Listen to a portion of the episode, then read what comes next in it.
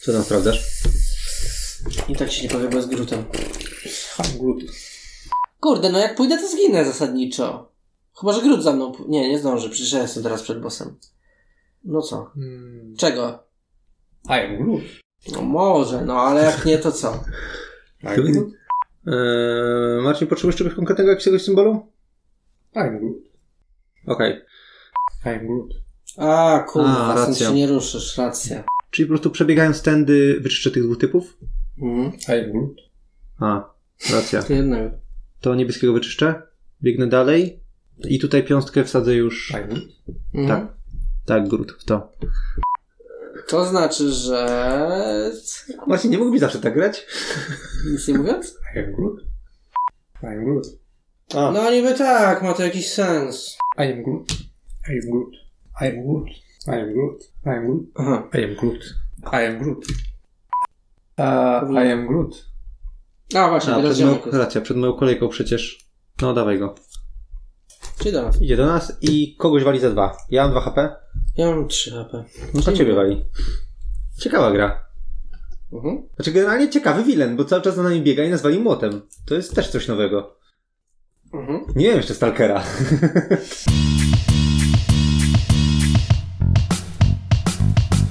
Cześć, z tej strony Malarz Marian? I Cordays. i w dzisiejszym odcinku w imię zasad porozmawiamy sobie o dodatkach sklepowych z pierwszej linii gry Marvel United. No więc tak, mamy cztery dodatki, w każdym z nich są trzy postaci, jeden złoczyńca, sześć lokacji i jeden tryb. Czy coś wybitnie wyróżnia któryś z tych dodatków na tle reszty? No, Jeden boss, a właściwie jego poziom trudności na pewno. Gobos. Gobas. Go boss. Tak, to jest tak, zgodziłbym się, że to jest chyba najbardziej wyróżniająca się rzecz ze wszystkich dodatków. Y, I jeden tryb. Zdrajcy. Ja bym najchętniej nie zapomniał. Tak, ale on się, no, jakby nawet nie oceniając go, on się wyróżnia, on Skompli- jest inny. Skomplikowania przede wszystkim. To jest jedno, ale on jest inny. A skomplikowanym to bym go nawet nie nazwał, ale faktycznie zmienia podejście. No tak, no w zasadzie tak.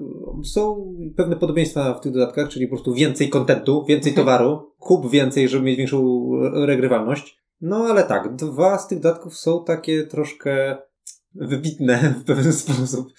Może zacznijmy od omówienia trybów, bo to jest chyba w ogóle taka rzecz najbardziej wyróżniająca, zapominając na chwilę o Green Goblinie, do którego wrócimy. Tak. Ale w tych pudełkach, no wiadomo, są bohaterowie lepsi, gorsi, ciekawsi, mniej ciekawi, ciekawi do tego jeszcze przejdziemy. Złoczyńcy też tam różnie z tym, z tym ich skomplikowaniem. Natomiast tryby są cztery zupełnie inne i myślę, że to jest pierwszy, najważniejszy temat tutaj. Czyli zupełnie inne, znaczy nowe, bo w ogóle nie było trybów. Tak, tak, tak. No i tryby stanowią takie nakładki do gry, czyli jakby walka z Red Skullem, Ultronem czy Taskmasterem mogą być inne, bo nałożymy na nie jeden z trybów, albo dwa tryby i to najwięcej zwie- doda regrywalności grze. Mhm. Dobra, to Black Panther na pierwszy ogień, bo jego tryb jest najprostszy. Zagrożone lokacje. Tak, czyli każdy przypisuje do siebie jedną lokację i powiedzmy musi jej bronić. Jak będzie overflow na danej lokacji, to obrońca dostaje ranę. Tak. Drobiazg. Ktokolwiek, ktokolwiek musi ich pilnować. Mhm. To, to dla mnie w sumie generuje tylko taką decyzję, że czasami zamiast pójść w i zająć się czymś, co naprawdę chciałem się zająć, zastanawiam się, czy nie pójść w drugą stronę, bo tam jest lokacja, która grozi overflowem, a do tego jest to jeszcze czyjaś lokacja, więc jeszcze dodatkowo jakaś tam kara z w wyniku tego jednego damage'u wejdzie. No tak, a jak e, złoczyńca robi overflow, który w sumie nas nie boli, to dzięki temu nas trochę boli jednak. Albo boli bardziej. No tak, ale to w sumie jest w takich paru specyficznych przypadkach, gdzie normalnie zdecydowalibyśmy się olać jako każdą lokację, a nie wiem, czy aż tak dużo takich momentów jest. Zwykle i tak jest tak, że raczej staramy się czyścić wszystko z zapasem, Tak. żeby nie było problemów, więc to jest bardziej na zasadzie, że ta nakładka po prostu czasem nas każe, kiedy nam nie idzie. Znaczy, to są wyzwania, nie? Więc to jest trudniej po prostu przez to i chyba tyle, bo nie czuję się aż tak tego. To nie jest tak, że ty a bardziej chcesz tam chodzić, bo to jest twoja lokacja, więc ty chcesz ją czyścić. W zasadzie każdy pójdzie wyczyścić tą lokację, bo ktoś to na co dostanie, tak? To jest Mhm. koop. Tak, no myślę, że w sumie tak należałoby na to patrzeć, że tak naprawdę to nie są tak naprawdę tryby inne gry, co po prostu lekkie utrudnienie. I w Tak, każdy trochę tak jak inny. powiedziałeś, wyzwania. Każdy trochę inny i każdy jakoś tam powiedzmy urozmaicający tą grę, ale to głównie ma być przez to ciut ciężej. Tak, ale wracając do, do y, konkretnie zagrożonych lokacji. Mhm. Ja podczas gry osobiście niespecjalnie na to zwracam uwagę. Ja i tak chcę utrzymywać wszystkie lokacje bez overflowu. No. Czasami walnie, czasami kogoś zrani. Powiedziałbym, że to jest dodatek, który nie jest inwazyjny. Można go dodać, żeby sobie trochę utrudnić grę. I na pewno jest przynajmniej w teorii. W teorii jest to dla mnie e, ciekawsze utrudnienie gry niż wywalanie sobie kart stali, mimo że my i tak graliśmy na Mhm. najwyższym poziomie bez mydełek. A to, no jak jest, to tam czasami ktoś oberwie obrażenia albo dwa w czasie gry i to tyle. Co w sumie moim zdaniem jest trochę słabe. Jednak dobrze, jakby, jakby to jednocześnie w jakiś sposób się odznaczało, a nie tylko było gdzieś tam w tle Mhm. i po prostu mechanicznie de facto podbijało poziom i tyle. Znaczy ja powiem tak, y, dla samego tego trybu nie ma co kupować dodatku Black Panther, bo Mhm. to jest coś, co można dodać, ale nie trzeba. Ale w obronie te, tego modułu akurat powiem, że to jest dodatek, który nie szkodzi, można go dodać. Trochę jakoś nam utrudnia grę, jeżeli chcemy, żeby gra była trudniejsza, a my chyba chcemy, żeby nasze gry były trudniejsze, bo ciągle jakoś tak raczej wygrywamy, Mhm. oprócz Green Goblina. Więc ja bym powiedział, że okej, jak jest, to będę go używał, bo dodaje jakąś tam minimalną warstwę do rozgrywki. Nie psuje mi nic, nie przeszkadza, nie każe mi za bardzo o niczym pamiętać. Chociaż każe o czymś pamiętać. Bo czasami jest tak, że zaraz, zaraz, ta lokacja była czyjaś, a my na przykład tego nie zauważyliśmy. No tak, tak. Więc można to się jest- zagapić na tym. To jest kwestia trochę oswojenia się z tym wszystkim. Ja bym Tak. w ogóle powiedział, że dla jakiegokolwiek z tych trybów nie kupowałbym dodatku specjalnie. Tryb jest za małym dodatkiem, za małym bonusem do gry, żeby wydawać na to pieniądze. Przy okazji, Znaczy tak, jasne. no, kwestia opłacalności dodatków to jest zupełnie osobny temat. Natomiast tak, one wszystkie są takie, To jest takim trochę tłem. Nawet nie mini, to jest takie mikro, bym powiedział. Takie coś, że w sumie samemu można by sobie wyciąć te Tak, no taki bonusik. W sumie tak, to prawda. Tu nie ma żadnej nowej talii, żadnych Nie. nowych figurek. No to jest nie, tylko, może to, coś. to teraz oznaczcie sobie, że ta lokacja jest twoja, a ta lokacja jest twoja i pamiętajcie, żeby dostawać dodatkowe obrażenia, jak coś się tam Mhm. wydarzy. Tak, więc zasadniczo co powiemy, te- tak podsumowując, o wyzwaniu zagrożonych lokacji. No, że są takie, no okej i w sumie nie przeszkadza za bardzo. Jest, i bo jest. Może sobie być. Nie, nie Jest okej, no. Ale nie przeszkadza też. No, nic złego o nim nie powiem. Dobra, to prze- przechodzimy do wyzwania z Guardians of the Galaxy Remix, czyli wyzwanie planu B. Czyli tak, wszystkie karty misji mają większą pojemność, zamiast 9 jest 12 na cywilach i zbirach, a na zagrożeniach zamiast 4 jest 6. No i jak to czujecie, to zagrożenie? Jest ciasno. Znaczy jest ciężko, bo teoretycznie musisz zrobić dwie misje, żeby móc bić bossa. No, a tu czasem brakuje symboli. Sześć zagrożeń zawsze będziesz miał, a zresztą jest różnie. Tak, pamiętam moją pierwszą grę na to zagrożenie. To było tak, że mieliśmy już 5 na 6 zagrożeń zrobionych i nie było żetonów na stole. Nie Mhm. pamiętam z jakim biliśmy się bossem, ale produkował tak mało żetonów, że po prostu było ok, moja kolejka, zagram najgorszą kartę, bo nie mam co robić, czekamy na bossa. To jest słabe. No i tak, i właśnie takie trochę w sumie paradoksalne nam się sytuacje zdaje się zdarzały, że w którymś momencie odpalaliśmy zrobienie pierwszego zadania po to, żeby boss zaczął się częściej ruszać i produkować dodatkowe żetony do wypełnienia pozostałych zadań, co normalnie odkładaliśmy do ostatniej chwili. W grze dwuosobowej przede wszystkim tak zrobiliśmy, bo już zobaczyliśmy, że nam się kończą karty w talii, bo na dwie osoby graczom się szybko kończą karty w talii, więc celowo przyspieszyliśmy bossa, żeby zaczął produkować tokeny, bo inaczej byśmy się nie wyrobili my z kartami. Mhm. E, No, trochę farsa. Czy, czy farsa? No to na pewno to zmienia to, w jaki sposób gra się gra, jakby nie patrzeć. Tak. Tak. No ale dla mnie trochę zaburza to, że starasz się zazwyczaj zgrać te dwie misje, a tutaj czasem po prostu stwierdzasz, dobra, gro, dawaj mi więcej rzeczy. To nie by miało być takie, wiesz, zagrożenie, że boss przyspiesza, tu jest no dawaj, bo się nudzę. No, I to jest słaby aspekt. Nie we wszystkich bossach tak to przykro działa, bo zagraliśmy troszkę gier na to wyzwanie i wystąpił ten problem, mówię, w pierwszej grze kiedyś tam, jak graliśmy na dwie osoby, to tak, mm, talie nam się kończą, a poza tym raczej dawaliśmy radę, coś tam czyściliśmy, było ok. I było to dla mnie najbardziej wyróżniające się rozszerzenie o, z tych wszystkich. oprócz... Pozytywnie, pozytywnie odznaczających się. No właśnie, oprócz Takich, zajęć. że ciekawych, że jest takim no, ciekawym twistem, na który Aha. czasem bym zagrał tak po prostu. Czy tak, to dużo zależy od bossów i dużo zależy od tego, jak oni te żetony dokładają, bo jak mało dokłada, no to zaczyna się robić ciasno rzeczywiście. Jak coś z nimi robi, że one znikają, no to zaczyna się robić ciasno. Więc no do niektórych może źle podejść faktycznie ten Znaczy, dodatek. Tak, no do, do niektórych bossów trzeba by się zastanowić, czy w ogóle to wykładać, ale jeżeli już w miarę pasuje, że tak powiem, do, do danego bossa, to ja lubię z tym grać. Mhm. Raz, że faktycznie w czasie rozgrywki inaczej się odczuwa to, że trzeba zebrać więcej, a dwa, że to ten dodatkowy, alternatywny cel też, jakby nie patrzeć, porównosi. I W tu już... sensie daje nam wybór. Czy idziemy w to, czy idziemy w to. Mhm, tak, i w tym momencie wtedy to, to wyzwanie czy nakładka już nie jest takim po prostu elementem w tle, tylko faktycznie jakoś, jakoś yy, modyfikuje yy, grę. Tak, aczkolwiek przez y, to, że tych żetonów jest tyle do zebrania, mieliśmy chyba z kilka razy takie sytuacje, że W sumie to praktycznie zebraliśmy trzy misje na raz. I Mhm. nie było przez całą grę jak klepać bossa, a jak już było jak go klepać, to w sumie skończyliśmy trzy misje i tyle, więc... Tak, bo to prze, w moim odczuciu, znaczy w moim odczuciu, to zdecydowanie przenosi środek ciężkości tej fazy pierwszej, kiedy robimy zadania i fazy drugiej, kiedy bijemy bossa. Bardzo, tak powiedzmy, jak było 3 do 1, No, to teraz jest gdzieś tak 90% do 10%.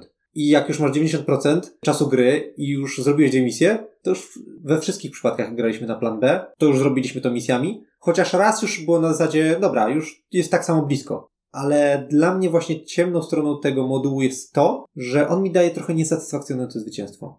W sensie jak bijemy bossa, to jest takie, że trzeba go doskoczyć, dogonić i wklepać mu i czujesz, wpierdzieliłem temu typowi. tak. Rozwaliliśmy go. A tak to jest, o, w sumie wygraliśmy, mamy dość symboli gwiazdek. Takie zdalne trochę. No, chodzi, chodzi mi już o to, że nie czuję, żebyśmy pokonali Wilena. Mhm. Mniej, mniej radości mi to daje, nie wiem jak wam. Czyli ja tego tak nie odczuwam do końca, chociaż na pewnym poziomie tak, no jest, jest trochę, trochę inaczej. Tak. No tak, to ten dodatek troszeczkę jest jakby taki, znaczy mniej łączący się z całą resztą, tak. Czasem wejdzie dobrze, czasem wejdzie źle. Znaczy czasami wiedzie źle, chodzi o to, że brakuje tych żetonów, nie? Tak. Albo Mhm. właśnie wchodzą trzy i w sumie, a, po co w ogóle zastanawiać się nad biciem bossa, skoro no, do, dopchnęliśmy to, że to na Przy niektórych bossach to tym bardziej, na przykład przy Taskmasterze, jak on rozłoży całą masę swoich e, Crisis tokenów, Mhm. no to olać to, no po prostu dopchajmy cel, cele do końca i tyle. Albo Green Goblin, który się, wiesz, jest w stanie się osłaniać jeszcze cywilami i tak dalej. Zdecydowanie wolałbym e, dokończyć tutaj, nie? tak. Więc No ale, niektórych bossów wręcz ułatwia. No ale tak, ale teoretycznie wszyscy czekają, znaczy my przynajmniej, czekamy na ten moment, kiedy będzie można klepać tego bossa i Mhm. go sklepać, a tu w Mhm. zasadzie sobie odbieramy ten moment, więc Tak, to, to, to, to trzeba tak, lubić. to jest taki deser po tej grze, nie? No, Że tak, a dobra, to już można go klepać, pach, pach, pach, rozwaliliśmy. Więc tak, to jest taka ciemna strona. Ale mówię, dla mnie to akurat ciemna strona tak do końca nie jest, Mini. bo w normalnych grach często staje się monotonne właśnie to, że tak się dobija do tych dwóch misji i potem jest ta faza grywania bossa. Nie mówię, że ona sama w sobie jest zła, ale jeżeli każda rozgrywka wygląda dokładnie tak samo, to fajnie, że taki tryb jest w odwodzie. Zgadzam się i w sumie na obronę tego trybu powiem też to, że jeżeli kogoś wkurza to, że boss skacze, boss ucieka i brakuje ci ruchu, już tutaj masz wszystko przygotowane, ale nie, boss uciekł, jest twoja kolejka, nagle masz za daleko, to tutaj tego problemu nie ma. jest spoko, jest różnorodnie. Ale ja bym powiedział, że to jest na pewno dodatek, który coś wnosi, Tak. tych modułów. I wnosi coś ciekawego, a nie coś, co jest tłem. Nijakim. Tak. Chociaż czasem może nie pyknąć. Dobra. Enter the Spider-Verse wprowadza reporterów. Wyzwanie y, ukrytych tożsamości. No i jak ci fotoreporterzy? Dla mnie to jest y, wyzwanie na podobnym poziomie jak te lokacje z Pampery. No tak, w sumie to jest coś w tle, co zwykle w sumie nie ma zbyt, zbyt dużego wpływu na rozgrywkę. Czy się gra z tym, czy nie gra, w sumie nie ma dużego znaczenia. Raz chyba ci wszedł to odkrycie z Tak, przez te wszystkie Raz. rozgrywki raz dosłownie się zebrały. A im więcej graczy, tym trudniej, Tak. żeby to weszło. Tak, to jest w- y, największa wada tego modułu, że na cztery osoby w zasadzie gra się bez tego, tak naprawdę, bo twoja kolejka jest tak stosunkowo rzadko w czasie gry, że nie zdążysz zebrać trzech zdjęć. Natomiast na dwie osoby, no ma to sens. Na dwie osoby ten, ten tryb ma sens, bo Mhm. trzeba na to zwracać uwagę, albo to zignorować i dostać to zdjęcie, bo No ale- też kara nie jest jakaś straszna.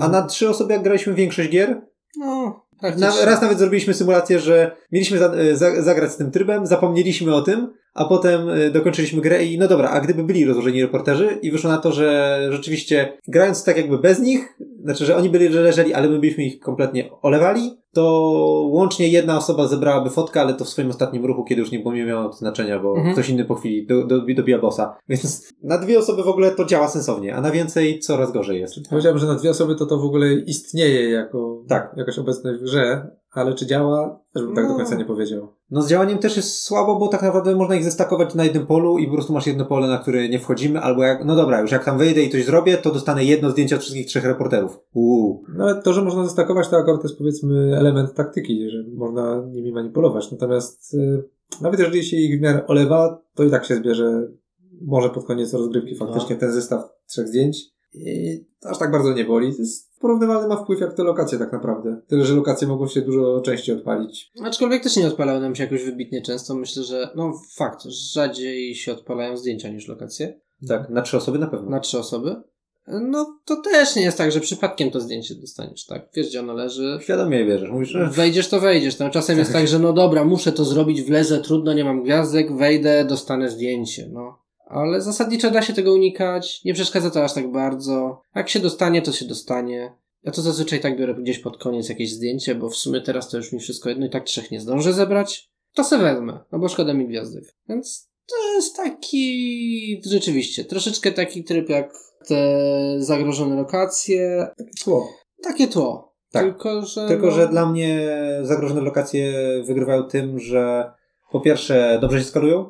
Mhm. E, Mogę w to grać na cztery osoby, mogę grać na dwie osoby. A po drugie jest coś, że mm, a może go przesunę, a może nie. A tak to grał szybciej po prostu. Dodatkowa warstwa. Tak, dodatkowa warstwa, która niewiele wnosi, jak już powiedzieliśmy, a dodaje ci taką, przy każdej gwiazdce się zastanawiasz, a może dziennikarze lepiej Mhm. nie potrzebuje tego dodatku. Dla mnie on jest też tłem jak lokacje, ale na minus. W sensie, bo dodaje mi Tak. coś, co mi jest jakąś przeszkadzajką i mi upierdliwia życie, a nie wnosi nic sensownego. Tak, to jest takie bardziej, znaczy te zagrożone lokacje są takie bardziej neutralne. Ja na obronę tylko powiem, że ma fajne ikonki, te tokeny komórek. Są dwustronne, z jednej strony mają flash, z drugiej strony mają ekranik i są całkiem ładne. Tak. Przynajmniej jest ładna. Mhm. Co? Czas na ostatni tryb. Czas na ostatni tryb. Ten najbardziej inny.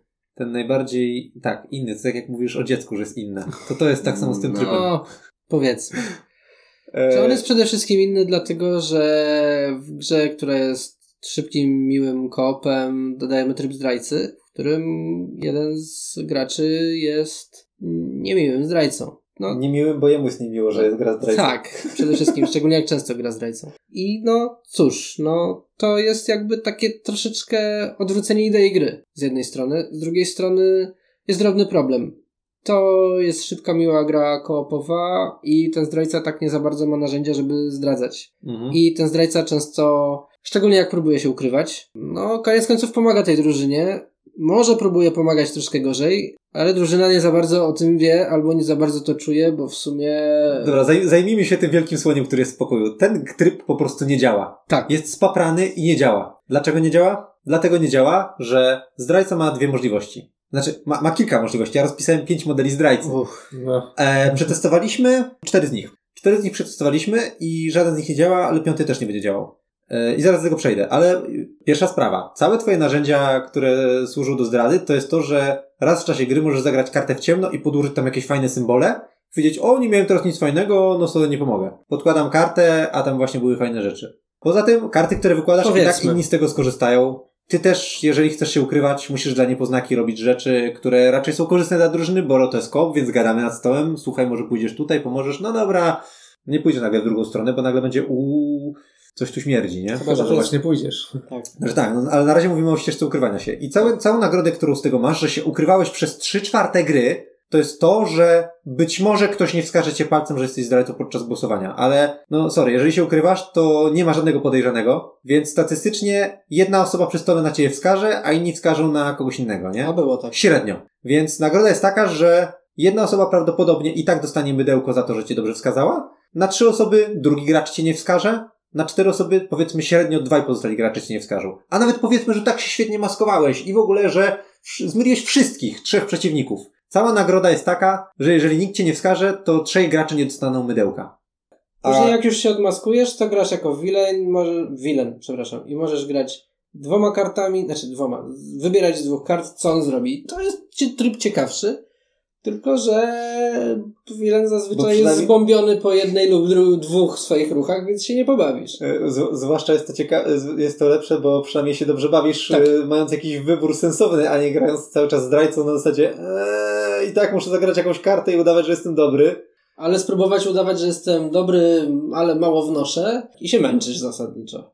Tak, ale koniec końców pomaganie i gra- granie w ukryte jest po prostu nieopłacalne, no bo tak jak Mhm. ja powiedział, co najwyżej zaoszczędzisz, e, zaoszczędzisz te mydełka, że, że dobrzy nie- ich nie dostaną, ale w zamian za to im pomagałeś, więc w sumie i tak, ty nie przeszkadzałeś, nie, nie, nie miałeś możliwości wpływu na jakieś przeszkodzenie, na jakieś e, wsparcie przestępcy. Więc tak naprawdę, koniec końców, zdrajcy opłaca się po prostu grać i przeszkadzać jawnie. Mhm. Czy to jakoś w nieodpowiednich momentach kończąc Znaczy- misję, czy to po prostu nic nie robiąc. I tak naprawdę cała ta mechanika wskazywania, a potem kto jest zdrajcą, jest taka na doczepkę. Nie wiadomo po co. Ukrywając się, praktycznie nie masz szansy na wygraną, Tak. a od razu przeszkadzając jakieś tam szanse, powiedzmy, że możesz mieć nadzieję, bo Tak. czy masz to też... Ani na dobrą zabawę nie masz szans. Znaczy, zacznijmy od tego, że my testowaliśmy tryb zdrajcy tylko na Lokim i Killmongerze, którzy są tak łatwymi bossami, że mimo, że był zdrajca, to i tak dobrze wygrywali, bo po prostu to są za słabi przeciwnicy. Mhm. Natomiast na Gobosa nigdy byśmy nie wzięli zdrajcy, bo jest zbyt wyśrubowany. Na Red Scala myślę, że byłoby bardzo ciężko ze zdrajcą. No, gdzieś tam może w ogóle miałoby sens branie na, na tych bossów ze średniego levelu, czyli e, Ronan, Ultron czy Taskmaster. Ale no zacznijmy od tego, ten tryb nie działa, bo cały problem jest, polega na tym, że jest on y, zbudowany wokół tego głosowania i ukrywania się, a najbardziej opłacalną ścieżką jest to, żeby, y, no właśnie, nie grać tak zwanym przyczajonym, to jest pierwszy styl, który O ja y, zarysowałem. Przyczajony to jest taki, który się stara i myśli, że designerzy dobrze zbalansowali ten tryb. Czyli pierwsza gra. Tak, pierwsze próby nasze to jest styl grania na przyczajonego. Nie no, raz zagrasz przyczajonym i widzisz, że tego się nie da zrobić. To jest twój ostatnia gra. Albo sobie przeliczysz, ile mogłeś nie użyć symboli, y, Tak. czyli nawet grać na tak zwanego leniucha. Leniuch to jest drugi sposób, y, czyli po prostu przez całą grę mówisz, nie wykorzystuj moich symboli i zagrywasz wszystkie karty, od pierwszej tury zagrywasz wszystkie karty możliwie, dające najmniej symboli innym i mówisz, no ja w swojej turze nic nie robię, nie wykorzystuję tej gwiazdki, nie wykorzystuję. Wszyscy wiedzą, że jesteś zdrajcą, ale ty nic nie robisz. No i co? Dzisiaj próbowaliśmy i tak zdrajca nie miał, nie miał szans Dokładnie. y, z Killmongerem, bo Killmonger jest tak słabym bossem. No ale w ogóle, cała frajda tego, że ja przez y, pół gry siedziałem w kuchni i robiłem herbatę albo gadałem z kolegą, bo po prostu dochodziło do mojej tury i zagrywałem byle jaką kartę, nie analizowałem sytuacji na stole, Mhm. bo po prostu mam zagrać najgorszą kartę, jaką mam na ręku. To nie ma sensu, a, a jest bardziej opłacalne niż granie przyczajonym. A i tak cię korciło, żeby coś robić. Kombinowałem, żeby wchodzić na te no, lokacje, które ranią mnie, jak zaczynam tam kolejkę albo kończę, bo to też jest sposób na sabotaż. Mhm.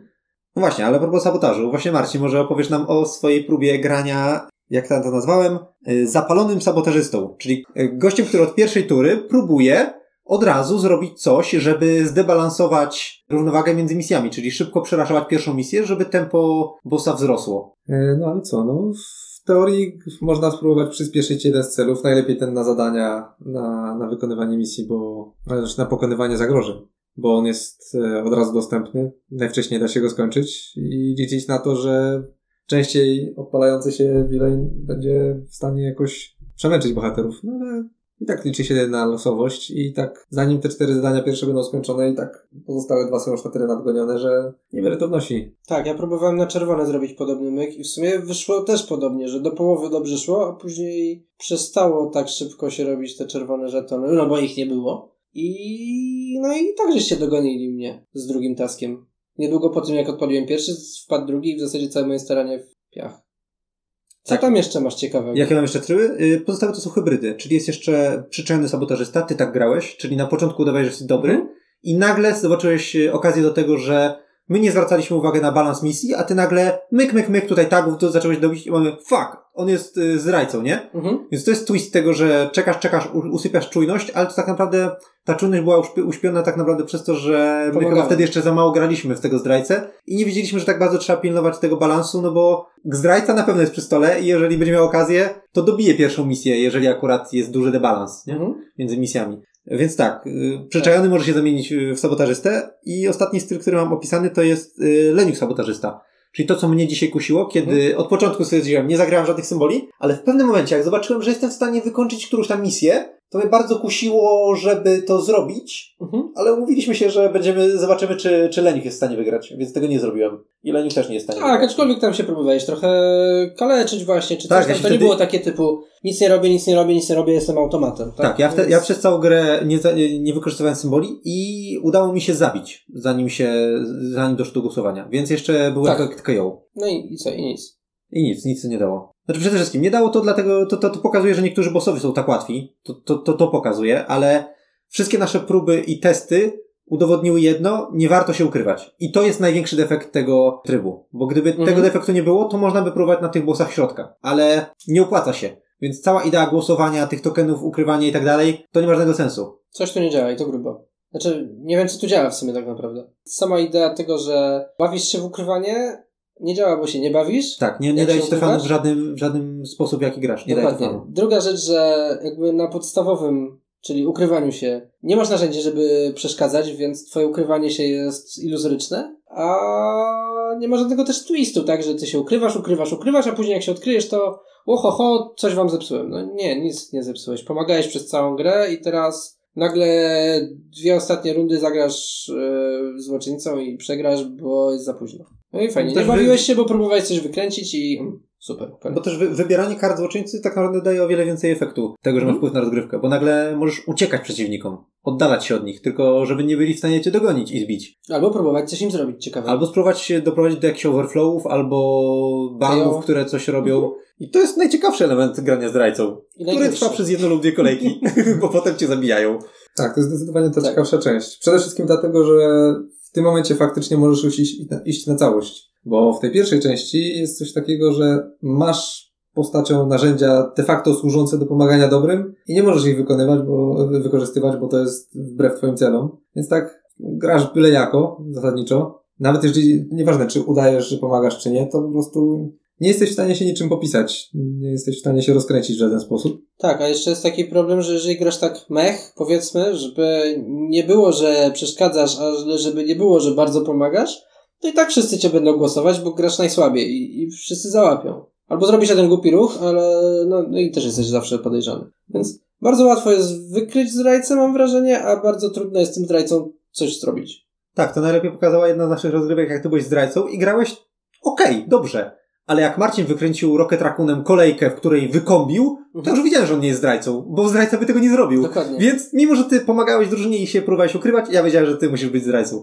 A super kolejki nie zrobię, bo to przecież bez sensu. No, No, to jest głupie. Kropka. tak. Podsumowując, tryb absolutnie nie działa i w tym dodatku tak jakby nie ma trybu. Jak kupujecie ten dodatek, to wiecie, że kupujecie go tylko dla trzech postaci i, i złoczyńcy. Tak, jakby co tryby są na tyle małe, że to jest nieistotne, na szczęście. A co jest istotne w takim razie? Kurczę, no dostajesz nowy set lokacji, dostajesz nowego bossa ze swoją mechaniką, dostajesz trzech nowych ziomków. To co z tych rzeczy jest najważniejsze? Zależy co kto lubi. Zależy co kto lubi. Ja generalnie traktuję i tutaj się będę upierał, mimo że tu reszta różnie do tego podchodzi, że pudełka są w miarę komplementarne, w miarę spójne wewnątrz siebie i ciężko w takim podejściu troszeczkę określić, co jest najważniejsze. To znaczy, co jest spójne, rozwin to. Znaczy, że generalnie boss i jego zachowanie, Herosi, no dobra, Herosi najmniej szczerze mówiąc. Nie. Herosi się są w stanie łatwo zaadaptować do innych. Tak, dlatego dodatków. tu się wycofuję z Herosów. Aczkolwiek nie wszyscy, tak to zależy. I lokacje, bo, bo na pewno boss i lokacje, boss i jego skille plus lokacje i ich skille się zgrywają. Znaczy jest pewna zależność między nimi. Może Tak. to jest dużo powiedziane, że jest jakaś silna korelacja, ale jest pewna zależność, czyli na przykład Green Goblin jest absolutnie wyśrubowany na maksa. To jest turbo Ale- trudne. Do niego, tak, do niego zaraz przejdziemy, ale zarazem lokacje w s- Enter the Spider-Verse są bardzo mocne, bo aż trzy z nich dają możliwość zdobycia żetonu gwiazdki, ataku czy ruchu, tak? Tak, no w ogóle to sa, sam Gro- Goblin ma zupełnie inny tryb, więc to jest jeszcze inna rzecz, bo to, to w jakim trybie działa i jak się jakby ta gra rozwija, jeszcze powoduje, że na samym początku, jak się nic nie dzieje, jesteś w stanie mocniej się podpakować, więc to już w ogóle jest inna Tak, bajka. y, Tu się wyjaśniając o co chodzi, Goblin na początku nie ma rozłożonych żadnych kart zagrożeń, Mhm. Więc wszystkie lokacje są dostępne, dlatego na początku walki z Goblinem jesteśmy w stanie pójść na lokacje, które de facto w tym dodatku są bardzo przydatne, bo pozwalają nam zdobyć żetony na zapas, a grając w lokacje mieszane czy z innych dodatków, jak próbowaliśmy to robić z Goblinem, no nie ma na początku zagrożeń, będzie ciężka walka z nim, za kilka kolejek się rozkręci ostro, ale no teraz nie mamy gdzie kończyć tury sensownie, bo nic, no tu się wylecz, tutaj nie wiem, Tak. zdejmij kryzys token, a nie ma kryzys tokenów, albo inne takie No. pierdoły. No, sorry, z Goblinem tak naprawdę trzeba mieć ustawione dobre lokacje. Tak, I one są w tym pudełku. Kontynuując swoją myśl o, o tej korelacji, ja uważam, że jeszcze w Lokim jest taka, ta, ta, taka zależność, że Loki jest bardzo słabym bossem i jego lokacje są żenujące. No, żenujące. No, Nie, takie, takie o, po prostu bym powiedział. Żenujące to może dużo powiedziane. Znaczy, słuchaj, no, tutaj w tym dodatku lokacje są takie. Trzy lokacje są na przesuwanie, w sensie przenieść stąd siebie i ilu chce, znaczy jakikolwiek bohaterów z tej lokacji, w której jesteś, do innej lokacji. Inna, przenieść tutaj kogo chcesz. Jednego herosa samonuj do siebie. Trzecia, przesuń dowolnego herosa o jedno pole w bok. Trzy lokacje są na przesuwanie. Jedna na dokładanie rzeczy. Czwarta jest na dokładanie dwóch żetonów gdziekolwiek chcesz na mapę, które bardziej przeszkadza na wielu bossach. No to jest mech, to jest trochę żenujące, ale z drugiej strony jakby grać na jawnego zdrajcę, to masz sporo ciekawych narzędzi na przeszkadzanie. Nie graliśmy Mhm. chyba na jawnego zdrajcę na secie z Asgardu. Ale tu może można byłoby próbować się pobawić, poprzesuwać tam, gdzie nie trzeba, pododawać żetony. rzeczy, pokombinować coś. Jakby tutaj Tak. teoretycznie te narzędzia do przeszkadzania w Lokim, znaczy w Asgardzie są. Tak. Co Y, tylko pokazuje, że tryb zdrajcy tajnego jest bez sensu. Skoro set bardziej skłania do tego, żeby był jawnym zdrajcą i przeszkadzał. Y, aczkolwiek ja, ja się akurat cieszę z jednej lokacji, która jest, czyli pałac w Asgardzie, która pozwala dokładać po dwa żetony na mapę, ponieważ ona jest w stanie pomóc przy planie B. Tak. Jak gramy w, w moduł z Guardiansów i brakuje nam żetonów, to taka lokacja jest w stanie naprawdę pomóc. Ale w każdym, w prawie każdym innym, innym przypadku to jest lokacja śmieciowa dla mnie. Mhm. No i, i co tam jeszcze mamy za, za lokację? Małe leczenie. Nie leczenie do trzech, tylko jeżeli masz jeden lub dwa HP, dociągnij jedną kartę. Mm, gorsza wersja. I ostatnie. A, przemiel sobie karty na ręku. Odrzuć ile chcesz kart z ręku i dobierz y, nowe. No okej. Okej, aczkolwiek rzadko to Natomiast generalnie te lokacje są nieciekawe. Znaczy, Normalnie ja mam, tak. Ja mam wrażenie, że one nie są tragiczne. One są na poziomie mniej więcej lokacji z podstawki. One się w, mogą wydawać słabsze, dlatego że po prostu pozostałe dodatki wprowadzają mnóstwo lokacji, które są dużo mocniejsze niż podstawowe. No akurat tak. No ja Wiesz, osobiście no. uważam, że podstawowe są mocniejsze, bo tam masz leczenie do maksa, masz y, ubij tutaj zbira, masz y, uratuj tutaj y, cywila. Y, masz oczywiście ten teleport, że przenieś się gdzie chcesz, ale Mhm. ja osobiście tej, osobiście ja takich y, na movement nie lubię. I może dlatego te mi się nie podobają, bo to są trzy związane z momentem. Tak. Akurat ta, że prze- przesuń innego herosa o jedno jest okej, spoko, bo to może naprawdę komuś pomóc. Ale, no nie wiem, czy się ze mną zgodzicie, że lokacje tutaj są najmniej ciekawsze generalnie z tych czterech dodatków. Spośród dodatków na pewno. Zgoda. E, Kontynuując, pomału przechodząc w sumie do opisu lokacji, jak już omówiliśmy tak naprawdę dwa zestawy, czyli że w, w Goblinie są bardzo ciekawe. Tam oprócz tych, które opisaliśmy, że jest zdobywa trzy żetony, są jeszcze y, lepsza wersja ratowania cywila, czyli zamiast uratuj cywila stąd, to jest możesz dodać cywila gdziekolwiek na mapie, a następnie, czy to zrobisz czy nie, przynajmniej tak to rozumiemy, Mhm. y, uratuj cywila stąd. Co pozwala, jeżeli nie ma tu cywila, dołożyć tu cywila, żeby go ratować. Jest jeszcze leczenie, ale małe, czyli też niestety gor- gorsza wersja, czyli ulepszę jedną kartę. I ostatnie, m, dosyć ciekawe, czyli skill Black Widow. Czyli odkryj kartę m, master planu zło- złoczyńcy i możesz wsadzić go na spód deku złoczyńcy albo zostawić na, na górze. No tak, aczkolwiek to trochę mnie zaskoczyłeś, bo, że powiedziałeś bardzo ciekawe, bo, znaczy całkiem ciekawe, bo w Black Widow mówię, że jest mech. E, tak. Ale to chyba Ale- dlatego, ale- że jest w niej, a nie Tak, na bo to jest wszystkie jest skille, nie? A tutaj powiem, że to nie jest mocna lokacja, ale jest ciekawa. To jest coś nowego, czego nie było. Skoro nie muszę na to marnować kart, to mogę sobie Mhm. to użyć, jasne. Tak. Zwłaszcza, że na niektórych przeciwników Oj tak. to bardzo może Na przykład na Goblina. Na przykład na Goblina właśnie, więc tutaj do, domykamy temat komplementarności Tak. ty- tych wszystkich elementów wewnątrz tych dwóch pudełek.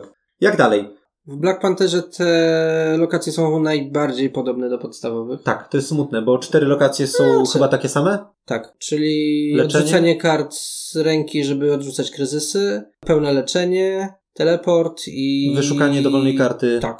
Y, Piąta jest bardzo podobna, bo zamiast usuń zbira z tej lokacji masz, możesz y, piąstkować w tej lokacji, co pozwala też na bicie y, Bossa. bossa. I na samo pokonanie zbiera, bo o ile pamiętam w podstawce się usuwa, a nie dodaje na, na tor misji. A tak, Tak, tam jest usuń. Tak, tak, tak. Tak, to mi się pomyliło. Więc to też jest Mhm. podobne do podstawowej lokacji, ale No i oczywiście ostatnia, czyli dostań mydełko. Kurczę, no dostań mydełko, to jest bardzo dobra lokacja. Tak, więc w sumie mamy pięć, y, cztery identyczne, piątą Powiedzmy. niemal taką samą Mhm. i szóstą, która jest dostań mydełko. Więc to jest Trochę. smutne, że kupujesz dodatek i dostajesz drugi zestaw prawie takich samych lokacji, które miałeś w podstawce. No wiadomo, inny rozkład slotów na te czerwone i niebieskie żetony, ale to jest detal, tak? Chociaż tu jest chyba jedno miejsce z dwoma. Chyba tak dla balansu, że skoro dajemy ciutkę łatwiej, to damy też ciutkę trudniej. Ale to jest generalnie prawie jak granie w lokacje podstawowe.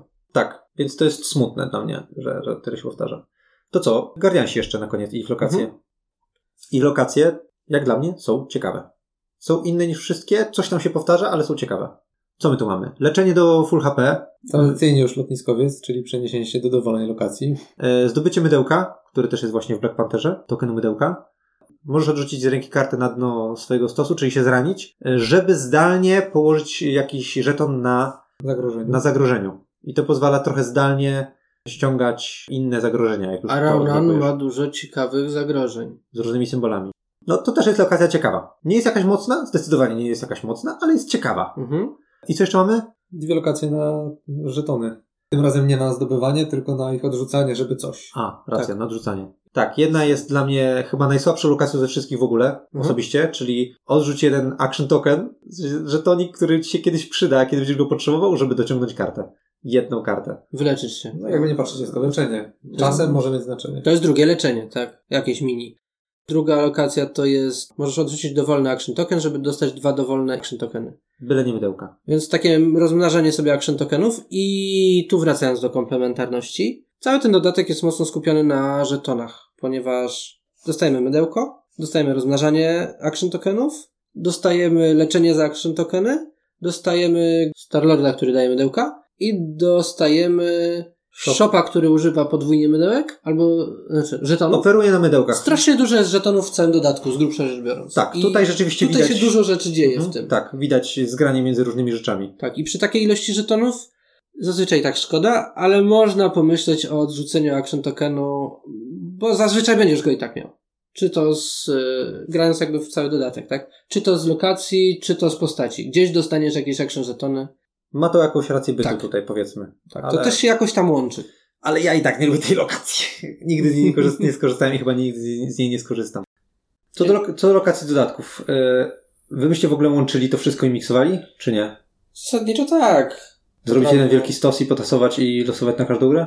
Można. Niby można, ale tak jak Marian mówił, jednak w miarę te lokacje najbardziej pasują do bossów z danego dodatku. Poza tym potrafią się trafić bzdury, typu wylosowało nam się pięć lokacji na leczenie, albo sprawie nie bije i w zasadzie mamy bezużyteczny setup i tak dalej. No, To, to wiadomo, rzadkie szanse, To, ale... Znaczy największą bzdurą jest to, jak jest boss, który nie robi kryzys to- tokenów, a generuje ci się lokacja na usuwanie kryzys tokenów. To jest No. chyba jedyna taka bzdura, że na, na pewno się nie przyda. Znaczy, to nie zadziała po prostu, więc tu można rzeczywiście sobie Przemielić. dolosować coś, ale no kurczę, szczerze, pięć lokacji na leczenie to w zasadzie jest tak jakbyś prawie nie miał lokacji. No. Więc no, No tak, ale to jest skrajny przypadek, nie zdarzyło nam się coś takiego. Na Natomiast nawet przecież jak y, Green Goblina pokonaliśmy, to zrobiliśmy to na, na losowych lokacjach. Mhm. Dało radę. No co kto lubi, no. tak. Wydaje mi się, że tak naprawdę najciekawszym roz, do rozważenia było po prostu wybieranie sobie lokacji na start w zależności... Czy los... W ogóle wybieranie.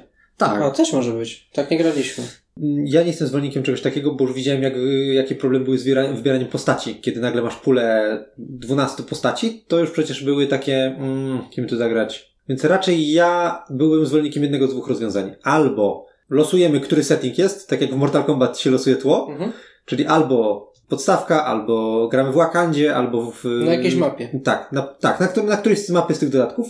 Ale tu też trzeba pamiętać, że są mapy trudniejsze z Asgardu i łatwiejsze ze Spidermana. Albo podejście drugie, mamy 6 lokacji, wylosujmy 9, 10 i wybierzmy, które z nich wybieramy.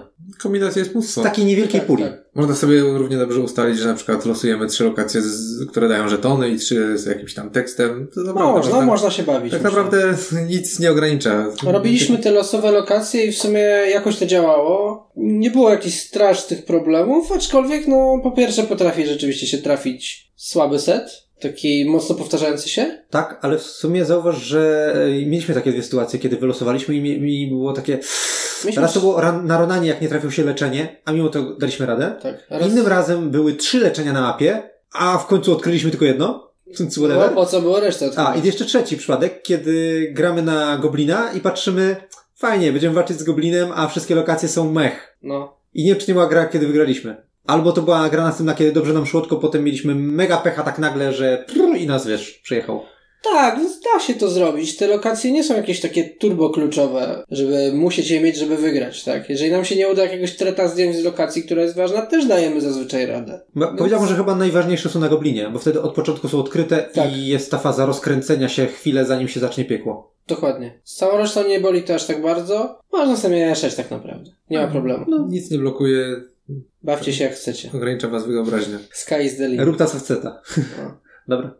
Więc tak, podsumowując temat lokacji, bo jak już tak przez nie przebiegliśmy, gdyby ktoś chciał dla lokacji ko- kupować, to co, co brać, czego nie brać? Spidermana? I Guardiansów. Guardiansów? Dla lokacji Pantera w zasadzie nic nowego nie Absolutnie wnosi. nie. Absolutnie nie.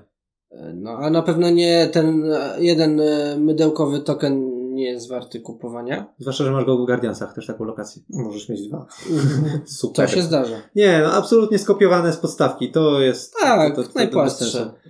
W Asgardzie są lokacje Specyficzne. specyficzne i słabe i ja bym dla lokacji też tego dodatku zdecydowanie nie kupował. Więc tu już jest y, dwa, dwa punkty y, karne dla dodatku Tales, Tales of Asgard. Trzy, bo A- mówisz, że Loki jest słaby.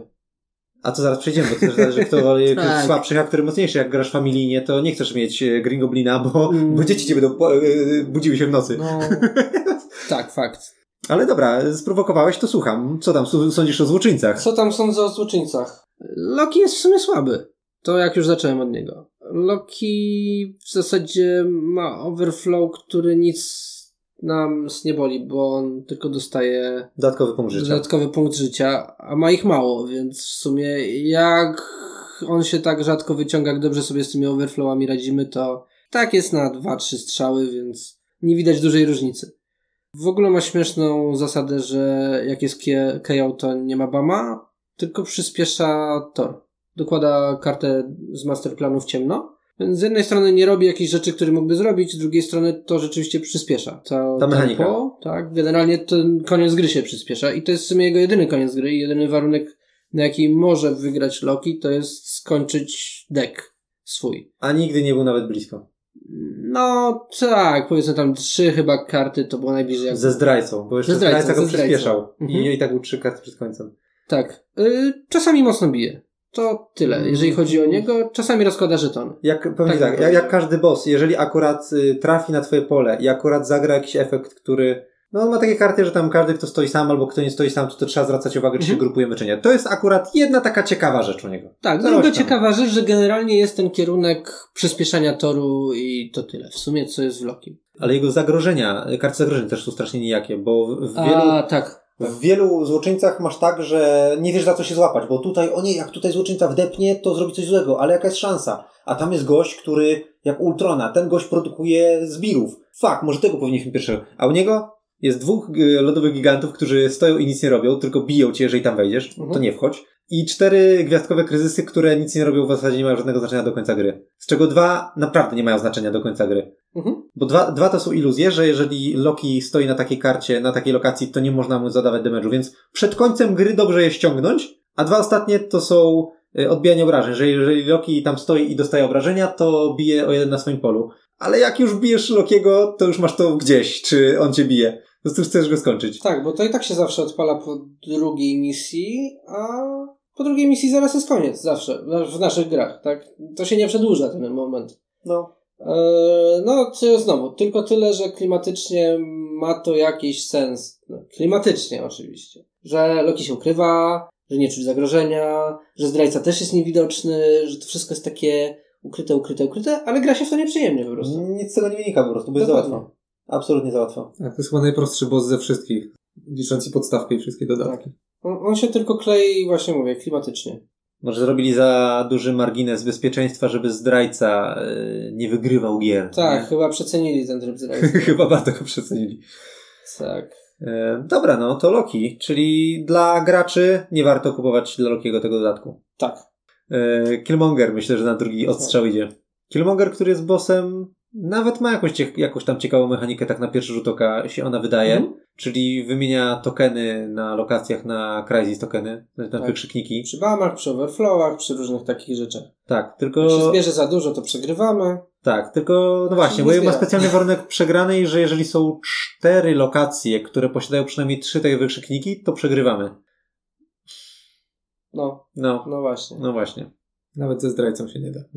No nie idzie. Nie da się. Znaczy- Tu jest kilka problemów. Po pierwsze, ten margines jest za duży, jego warunku przegranej, a po drugie, Trzeba byłoby. niestety, on zawsze, nieważne czy jest overflow, czy jest BAM, on zawsze zamienia te tokeny nie tam, gdzie jest overflow, tylko tam, gdzie stoi jego figurka. Więc wszystko zależy od tego, gdzie jego figurka wyląduje. A jeżeli będzie skakał tak pechowo, akurat tam, gdzie już są wszędzie wykrzy- wykrzykniki, To nic nie robi. to przez ułożenie kart w deku teoretycznie istnieje taka szansa, że nie było w ogóle szansy, żeby on wygrał. Tak, a my mieliśmy taką sytuację, kiedy on stał ze dwa czy trzy razy na jednym polu, które było przewykrzyknikowane i w zasadzie nic nie robił. Tak, ludzie wtedy umierali, a on, o, nie mam jak zamienić, bo on jeszcze na y, BAMie nawet nie dokłada wykrzyknika. On tylko, jeżeli jest tu token y, cywila albo Mhm. zbira, to zamień. O, nie ma co, no to możemy umierać i, nie, i tylko się leczymy dzięki Dokładnie. temu. Super, Więc dzięki, Olki, dzięki Killmonger. Coś tu nie, nie zagrało zasadniczo. Dla mnie ten boss jest dla uratowania, jakby zmienić mu ten warunek, że na przykład trzy lokacje na Trzy na wykrzyk- trzy. Trzy na trzy wykrzykniki. 3 na 3 to mi się prawie udało. nawet. Okej, to mogłoby dać radę. No ale i tak jest takim bossem raczej nieciekawym. Bo przy pierwszej grze jeszcze było to, Tak. to urozmaicenie, że a tutaj ma takie dwie karty, gdzie nie rusza się o konkretną liczbę pól, tylko gdzieś tam na bohaterów skacze czy coś. Mhm. Ale potem ta magia już minęła i w sumie on się specjalnie niczym nie wyróżnia. Tak, Tak, ta naprawdę. magia wymieniania tych żetonów na kryzysy, jak się okazało, że po prostu no nie da się przegrać na to. Znaczy, Istnieje da się jakaś szansa, tak. ale No ale nie zdarzyło nam Nie się. czuć tego zagrożenia w trakcie blisko, rozgrywki. Tak. absolutnie nie. To nie jest tak, że nie czuć zagrożenia i nagle to się zrobiło, tak jak na przykład z tym e, Tesseractem w Red Skullu. O, tam to Tam to nie czuć, nie czuć, nie czuć i przegrywasz de facto. A Mm. tutaj nie czuć, nie czuć, nie czuć i wygrywasz. Więc...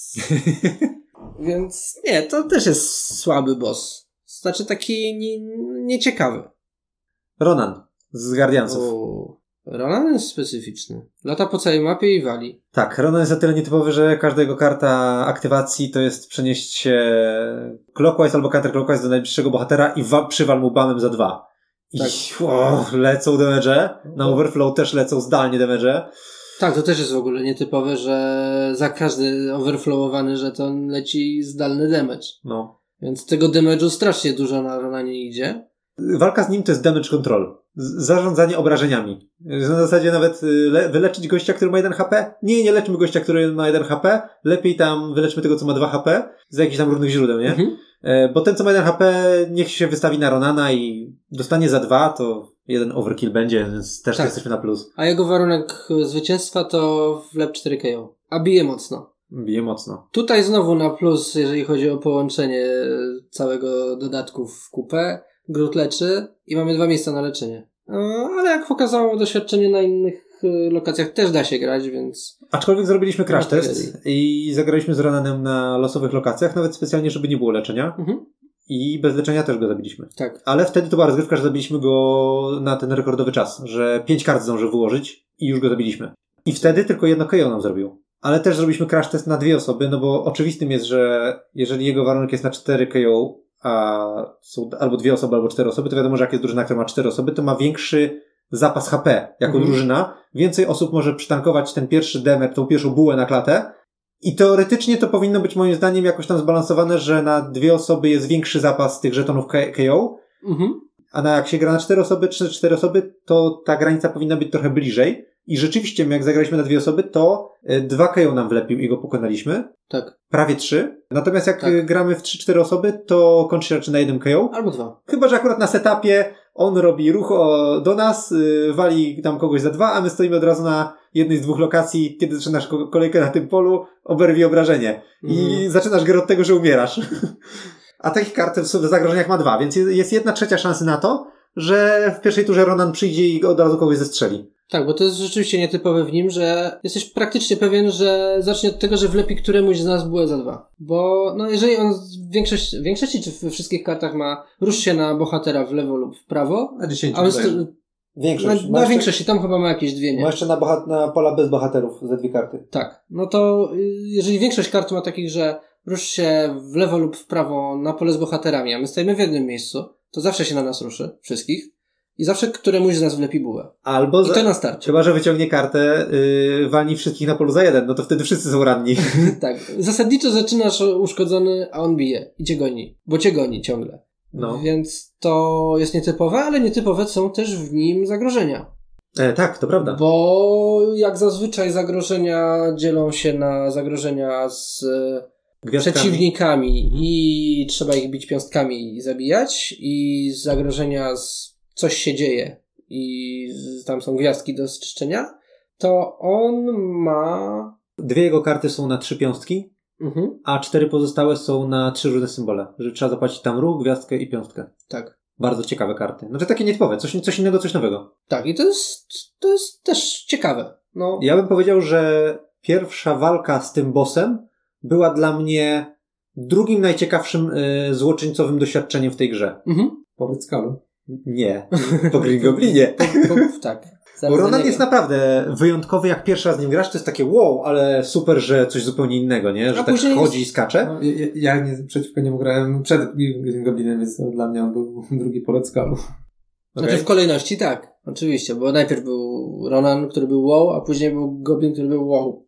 Więc tu zgoda. Ale kolejne gry z Ronanem? Wiemy już, że będzie za nami skakał i to jest okej, ale to nie jest nadal nudne, bo to jest cały czas uciekanie przed wariatem, który nas goni z młotem.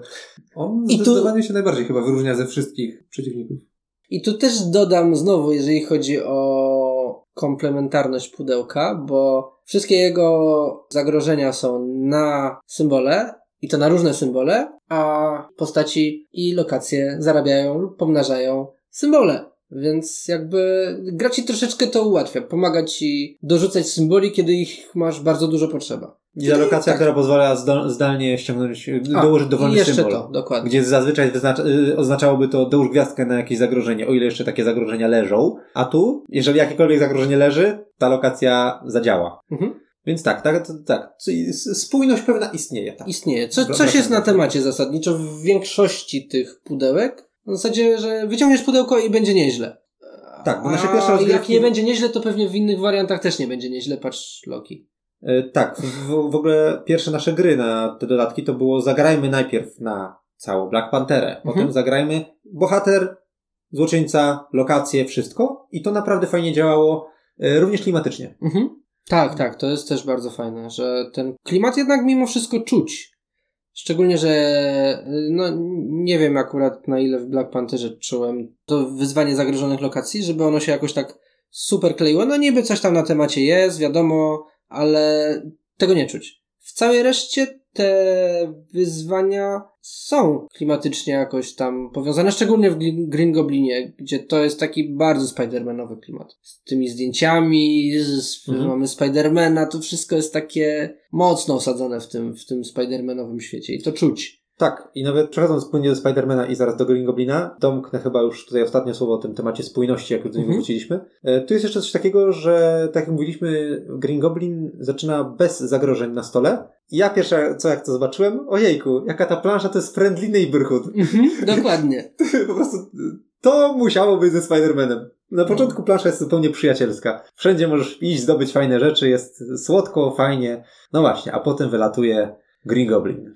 Green Goblin jest bossem nietypowym, y, dlatego że nie ma żadnych zagrożeń na stole, natomiast na każdej karcie Green Goblina jest efekt BAM, na każdej, bez wyjątku, a efekt BAM to jest oczywiście przywal wszystkim w swojej lokacji oraz wygeneruj y, zagrożenie na kolejną lokację zgodnie z ruchem wskazówek zegara. Jeżeli wyłożymy wszystkie sześć zagrożeń na stół i nie będziemy ich czyścić, w momencie, gdy wchodzi szóste zagrożenie, Green Goblin wygrywa grę.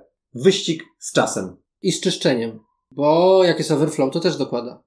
Tak, jak jest overflow, Więc- to też dokłada kolejne zagrożenie na planszę. I Więc jak co ktoś ginie, to też dokłada. A jak ktoś ginie, to, Bo tak, robi bam. to jest bam. No więc zasadniczo mamy taką sytuację, że im dalej w grę, tym bardziej musimy czyścić symbole, które w przeciwieństwie mam wrażenie do innych gier.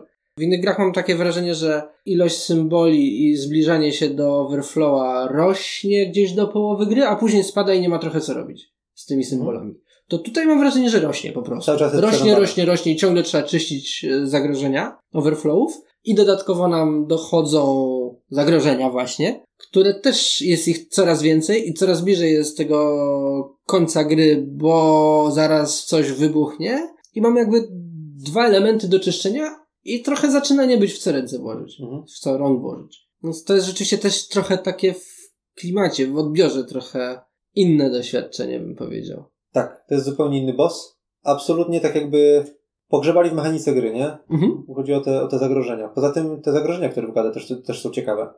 Jest tam trzech przydupasów, między Mhm. innymi Craven, który na efekcie BAM znaczy, może zacznijmy. Trzech przydupasów. Jeden to jest Lizard, który bije tylko w swojej lokacji, drugi to jest Elektro, który bije w sąsiednich lokacjach, a trzeci to jest Craven, który najpierw szuka, czy yy, Clockwise jest jakieś pole, na którym nie ma karty zagrożenia, a na którym stoi bohater. Jeśli tak, skacze tam i bije tam wszystkich za jeden. Mhm. Fajnie, wesoło. Generalnie Tak. to jest jedna wielka plansza, zamienia się w jedną wielką pułapkę i musisz unikać tych wszystkich złoli. A do tego jeszcze dochodzą inne zagrożenia, które też yy, psują grę. Między innymi najbardziej upierdliwe dla mnie, czyli ludzkie tarcze. O, Nie wiem, jak ono się dokładnie nazywa, zwłaszcza w polskiej wersji, ale dopóki wychodzi zagrożenie i jeżeli na tej lokacji leżą jacyś cywile, Gr- Green Goblin jest niezniszczalny do tego czasu. mhm. Więc zwłaszcza pod koniec gry, jak już uporamy się z tym wszystkim, przebijemy się przez te wszystkie, przez ten cały wyścig z, z tymi zagrożeniami i oczyścimy tokeny i zapomnijmy o overflow, nie przegraliśmy gry. Nagle wychodzi zagrożenie gdzieś na drugim końcu mapy, Green Goblina nie może bić. A żeby było zabawniej, jak zagrożenie wyczyścimy, to wtasowujemy je do deku niezagranych zagrożeń. Więc jeżeli mamy coś koło trzech zagrożeń na mapie i to czwarte właśnie wyczyściliśmy, to mamy dużą szansę, że zaraz wróci. Bo on przecież zagra swoją kartę z bamem i wyłoży zagrożenie. a może nawet overflow, więc dwa zagrożenia. Więc pod koniec gry, co wyczyścisz, to ci zaraz wróci. Jest taka zabawa w sumie... Kotka i myszka. Tak. Tak, i też mam wrażenie, że taki dodatkowy problem powstaje, że o ile u pozostałych bossów te, y, ta pula zagrożeń jest stała, więc jakoś tam można ocenić, jaki jest balans wymaganych symboli, o tyle u Green Goblina tak naprawdę wszystko zależy od tego, jak te zagrożenia się wylosują i jak będą wracać. Może się zdarzyć, że drużyna jest w miarę zbalansowana, ale ciągle wychodzą zagrożenia na gwiazdki i po prostu już brakuje na nie kart. Albo na odwrót, że ciągle wychodzą przeciwnicy i po prostu nie brakuje ludziom piąstek. Tak, dla jasności w, zrobię w trend, że jak się z, oczyści zagrożenie, to się bierze po prostu z, spoza mapy czaszkę, żeby oznaczyć, że pierwsze zagrożenie zostało zniszczone, a ta karta wraca do puli zagrożeń i ta pula jest tasowana. Więc ciągle teoretycznie może wracać ta sama karta zagrożenia. I to jest ten problem właśnie, że ciągle mogą wychodzić przydupasy, albo ciągle mogą wychodzić kryzysy na gwiazd. Czyli Lizard, którego ciągle zabijałeś, on wraca. Wracał ciągle na most br- Tak. brukliński. I to tak, właśnie jeszcze śmiesznie, że w jednej lokacji. Ale to też jest troszeczkę tak, że jeżeli sprofilujesz tam drużynę w jakiś konkretny kierunek, czyli na przykład mamy dużo gwiazdek, więc dobrze nam idzie czyszczenie zagrożeń na gwiazdki, a te zagrożenia z y, piąstkami raczej ignorujemy, no to ciągle będą wychodzić zagrożenia na gwiazdki, bo tylko te są w puli, więc w zasadzie... Tylko teraz mówisz o sytuacji, kiedy mamy na stole trzy zagrożenia i pozwalamy sobie, żeby doszło czwarte, piąte i zaraz koniec gry. Ta, no niby jeżeli tak, chcesz utrzymać na niskim poziomie i grać os- bezpiecznie, czyli tak i jak tak musisz czyścić piąstki. Wiadomo, ale jeżeli już dochodzisz do tego, że już nie wyrabiasz i nie wiesz, jak to wszystko ogarnąć, to masz co wydawać, na co? to z jednej strony masz co wydawać, z drugiej strony ciągle musisz przepalać te same symbole, bo tylko te same symbole, które wyczyściłeś, wychodzą. Więc robi się taka trochę e, syzyfowa praca w pewnym sensie. Tak, no ale generalnie możemy określić pierwszy problem tego przeciwnika tym, że ten deck y, zagrożeń się tasuje. Mhm. W moim odczuciu byłoby o wiele lepiej, gdybyśmy robili discard, a jak deck się skończy, tasujemy i wchodzą te, które zostały odrzucone. Wtedy roz, rozkład wymaganych symboli byłby uczciwszy. Nawet lepiej by było, gdybyśmy je po prostu podkładali na dół. Nie wychodziłby ciągle lizard na most. Może, ale wtedy byłoby przewidywalna Tak, kolejność, więc tak. żeby tak nie było, powiedzmy, że discard i, i ten. No cokolwiek z tego Bo- byłoby no takie właśnie bardziej bardziej stabilne. Bo powiedział. tutaj po prostu losowość może nam zrobić wielkiego psikusa. Mhm. Takiego nieprzyjemnego. Po prostu się irytujemy, że mamy pecha w dociągu. Ale Green Goblin ma jeszcze większy problem y, z losowością. Czyżbyś No. mówił o goblińskim serum? Będzie Goblin Formula. Karta, która nam często wychodzi jako pierwsza karta w grze w ogóle. Dla jasności od razu mówimy o co chodzi. Są dwie takie karty w stosie y, aktywacji Green Goblina, która oczywiście ma BAM, jak każda karta, ale poza tym mówi, że od tej pory Green Goblin dostaje dodatkowe HP, co nie jest problemem, ale również od tej pory Green Goblin zawsze na BAMie bije o jeden damage więcej, czyli bije o dwa we wszystkich na swoim polu, a jak dojdzie kolejna karta, o trzy y, we wszystkich na swoim polu. Jeżeli ta karta wyjdzie szybko, to mamy wtedy podwójne, znaczy generalnie cały ten mechanizm to jest podwójne RNG. Kiedy ta karta wyjdzie i czy Goblin będzie trafiał w nasze pola. Mhm. Bo jeżeli ta karta wyjdzie i będzie trafiał w nasze pola, mamy przerąbane, bo są KO, generują kolejne trety, przegrywamy. Tak, taki snowball się robi. W ogóle cały ten mod, jakby tak pomyśleć, jest takim troszeczkę snowballem. Bo on się rozkręca z czasem. E, Od samego spokoju masz coraz trudniej, coraz trudniej, coraz trudniej. No wiadomo, jak wyjdzie ci Goblin Formula, tak jak znam, jako pierwsza karta, to nie masz spokoju na początku. On cię bije od razu. Znaczy, w tym sensie, że jakby on już mocno bije, tak? Więc to, to już boli. Ale generalnie, jak myślę o tym dodatku, to jest taki trochę właśnie coraz bardziej nakręcający się mechanizm. Z rundy na rundę jest coraz trudniej. No w tym sensie. Może to nie jest taki Tak. snowball ewidentny, tylko takie rosnące zagrożenie. Może tak. Tak, coraz więcej jest tych zagrożeń do czyszczenia, więc jest coraz mniej czasu na czyszczenie małych żetonów, więc coraz częściej są overflowy, więc jest coraz więcej zagrożeń i tak dalej. I tak dalej. No. Tak, czyli trzeba czyścić i żetony, i zagrożenia, bo jeżeli cokolwiek zaniedbasz, I jeszcze uciekać Goblinowi jakoś. znaczy uciekać. No nie da się, wiem, Na ale- szczęście. Tak. Że cię nie trafi. E, no starać się nie stać na jednym polu wszyscy. Tak, no. Skoro on bije we wszystkich. Goblin to zdecydowanie jest przeciwnik z innej ligi niż e, wszyscy dotychczasowi. Więc o ile pozostałych byliśmy w stanie pokonywać na najwyższym, jak to jest, heroicznym trybie, tak? Bez, Mhm, bez tak. żadnych kart mydełek. O tyle tutaj mieliśmy problem nawet na, na trybie łatwym. Tak, Tam- na, najpierw zagraliśmy na hardkorze, przegraliśmy, potem zagraliśmy już z mydełkami, przegraliśmy, i potem już zagraliśmy z mydełkami w innym setupie bohaterów, nie jakimś bardzo OP, Mhm. nie robiliśmy jakiegoś super setupu i udało się wygrać. A lokacje? Zmienialiśmy wtedy? Pamiętasz? Losowe były. Losowe chyba. Mhm, tak. Więc też sobie trochę utrudniliśmy Tak, akurat to. tak. No. A akurat wyszło. A potem zagraliśmy trzeci raz Z tym, że- E, Czwarty raz. Tak. Z tym, z tym, że w pierwszych dwóch grach Goblin Formula wyszła jako pierwsza. E, tak. Więc to też swoje I zrobiło. to robiło różnicę. A A. w tej trzeciej, z której wygraliśmy, Goblin Formula wyszła dopiero pod koniec gry. Kilka kolejek przed końcem wyszła. Jest jeszcze jeden drobny, istotny element, jeżeli chodzi o Goblin Formula kartę. Są dwie karty. Jedna jest ruch za 0, druga jest ruch za 3. Więc jak wyjdzie akurat jako pierwsza karta ta z ruchem za 3, no to jest trochę tak jak z Ronanem. Przychodzi i nas bije. Na Za, ale, start. ale bije nas za jeden. Za jeden, na ale, szczęście ale też się dopala od razu i Tak. już, A my już jesteśmy na dwóch hapach, więc w zasadzie wszyscy jesteśmy na strzała. już się zastanawiamy, czy nie zagrać od początku. Tak. tak, bo to jest trochę takie ustawienie gry, tak? Wchodzi i mówi, dobra, teraz każdy jest na strzała. No, Póki się nie wyleczycie. No. Oczywiście. No to teraz sobie odkryjcie lokację, która z was leczy, a jeżeli gracie e, na vanilla lokację z tego dodatku, to jest tylko jedna lokacja, która was leczy i, I to to leczy po jedną kartę. tak. Tak, więc no, zabawnie, zabawnie. Znaczy nie, no jak grasz y, z y, Goblinem, to nie musisz nic odkrywać, tak? Bo E, na tak, samym tak, starcie jest racja, odkryte, racja, więc to tyle plusów. Chyba, ale... że ci właśnie przykrył. E, tak, bo wyszedł thread. Albo jego przydupasy, a oni też mają sporo życia. W sensie cztery życia to jest całkiem sporo, Mhm. jak żeby ściągnąć to szybko. A Lizard ma pięć życia jeszcze, więc już w ogóle. Tyle dobrego, że elektro bije na sąsiednie pola, więc w zasadzie pole z elektro jest bezpiecznym polem. Tak, to jest ciekawe. Bo Lizard nie wali w to pole, bo go oczywiście tam nie ma. Elektro nie wali na, w to pole, bo wali na sąsiednie. A jak mu tam, Craven nie jest w stanie nie wskoczyć, bo jest y, całą Zajęty. karta elektro. Dokładnie, więc to jest o dziwo safe spot.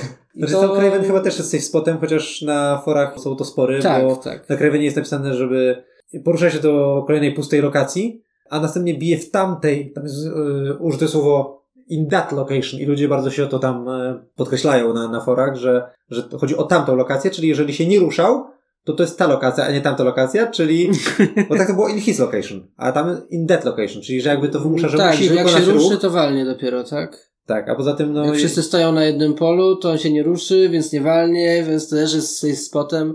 Tak, generalnie jego zagrożenia są upierdliwe. Ta, nawet ta karta zagrożenia klasyczna, która y, pojawia się u wielu y, złoczyńców, że tutaj zbiry są trudniejsze do bicia, Mhm. u niego mówi, a poza tym jeszcze wygeneruj tu zbira, Mhm. żeby nie było za łatwo. Tak, Co jest- może spowodować overflow, co powoduje kolejny threat, na, Tak, kolejne zagrożenie na nas. To wszystko rośnie z czasem, a jeszcze dodatkowo mamy tą, jak już mówiłeś o tej lokacji żywe tarcze, to przecież mamy Ach. jeszcze jego kartę, jedną, nie, dwie chyba Dwie. też, w storyline, która mówi, że Porwij cywila. cywila na planszetkę goblina, jeżeli są cywile, to jest chyba zasada już, tak? Że jeżeli są cywile Na na, planszetce. goblina, to on też jest niezniszczalny. Tak, ale tych cywilów można ratować za pomocą dwóch gwiazdek. I, Ale- to, jest, I to jest ratowanie na zasadzie, że ratujesz i do, do, do misji. idzie. Ale tylko na polu z Green Goblina. Oczywiście, trzeba do niego dobiec i wtedy zagrać dwie gwiazdki. Tak, więc A, to... mieć, a mieć na raz dwie gwiazdki to też nie tak dla, dla wszystkich bohaterów nie jest aż takie proste. A też tym bardziej w setupie podstawowym.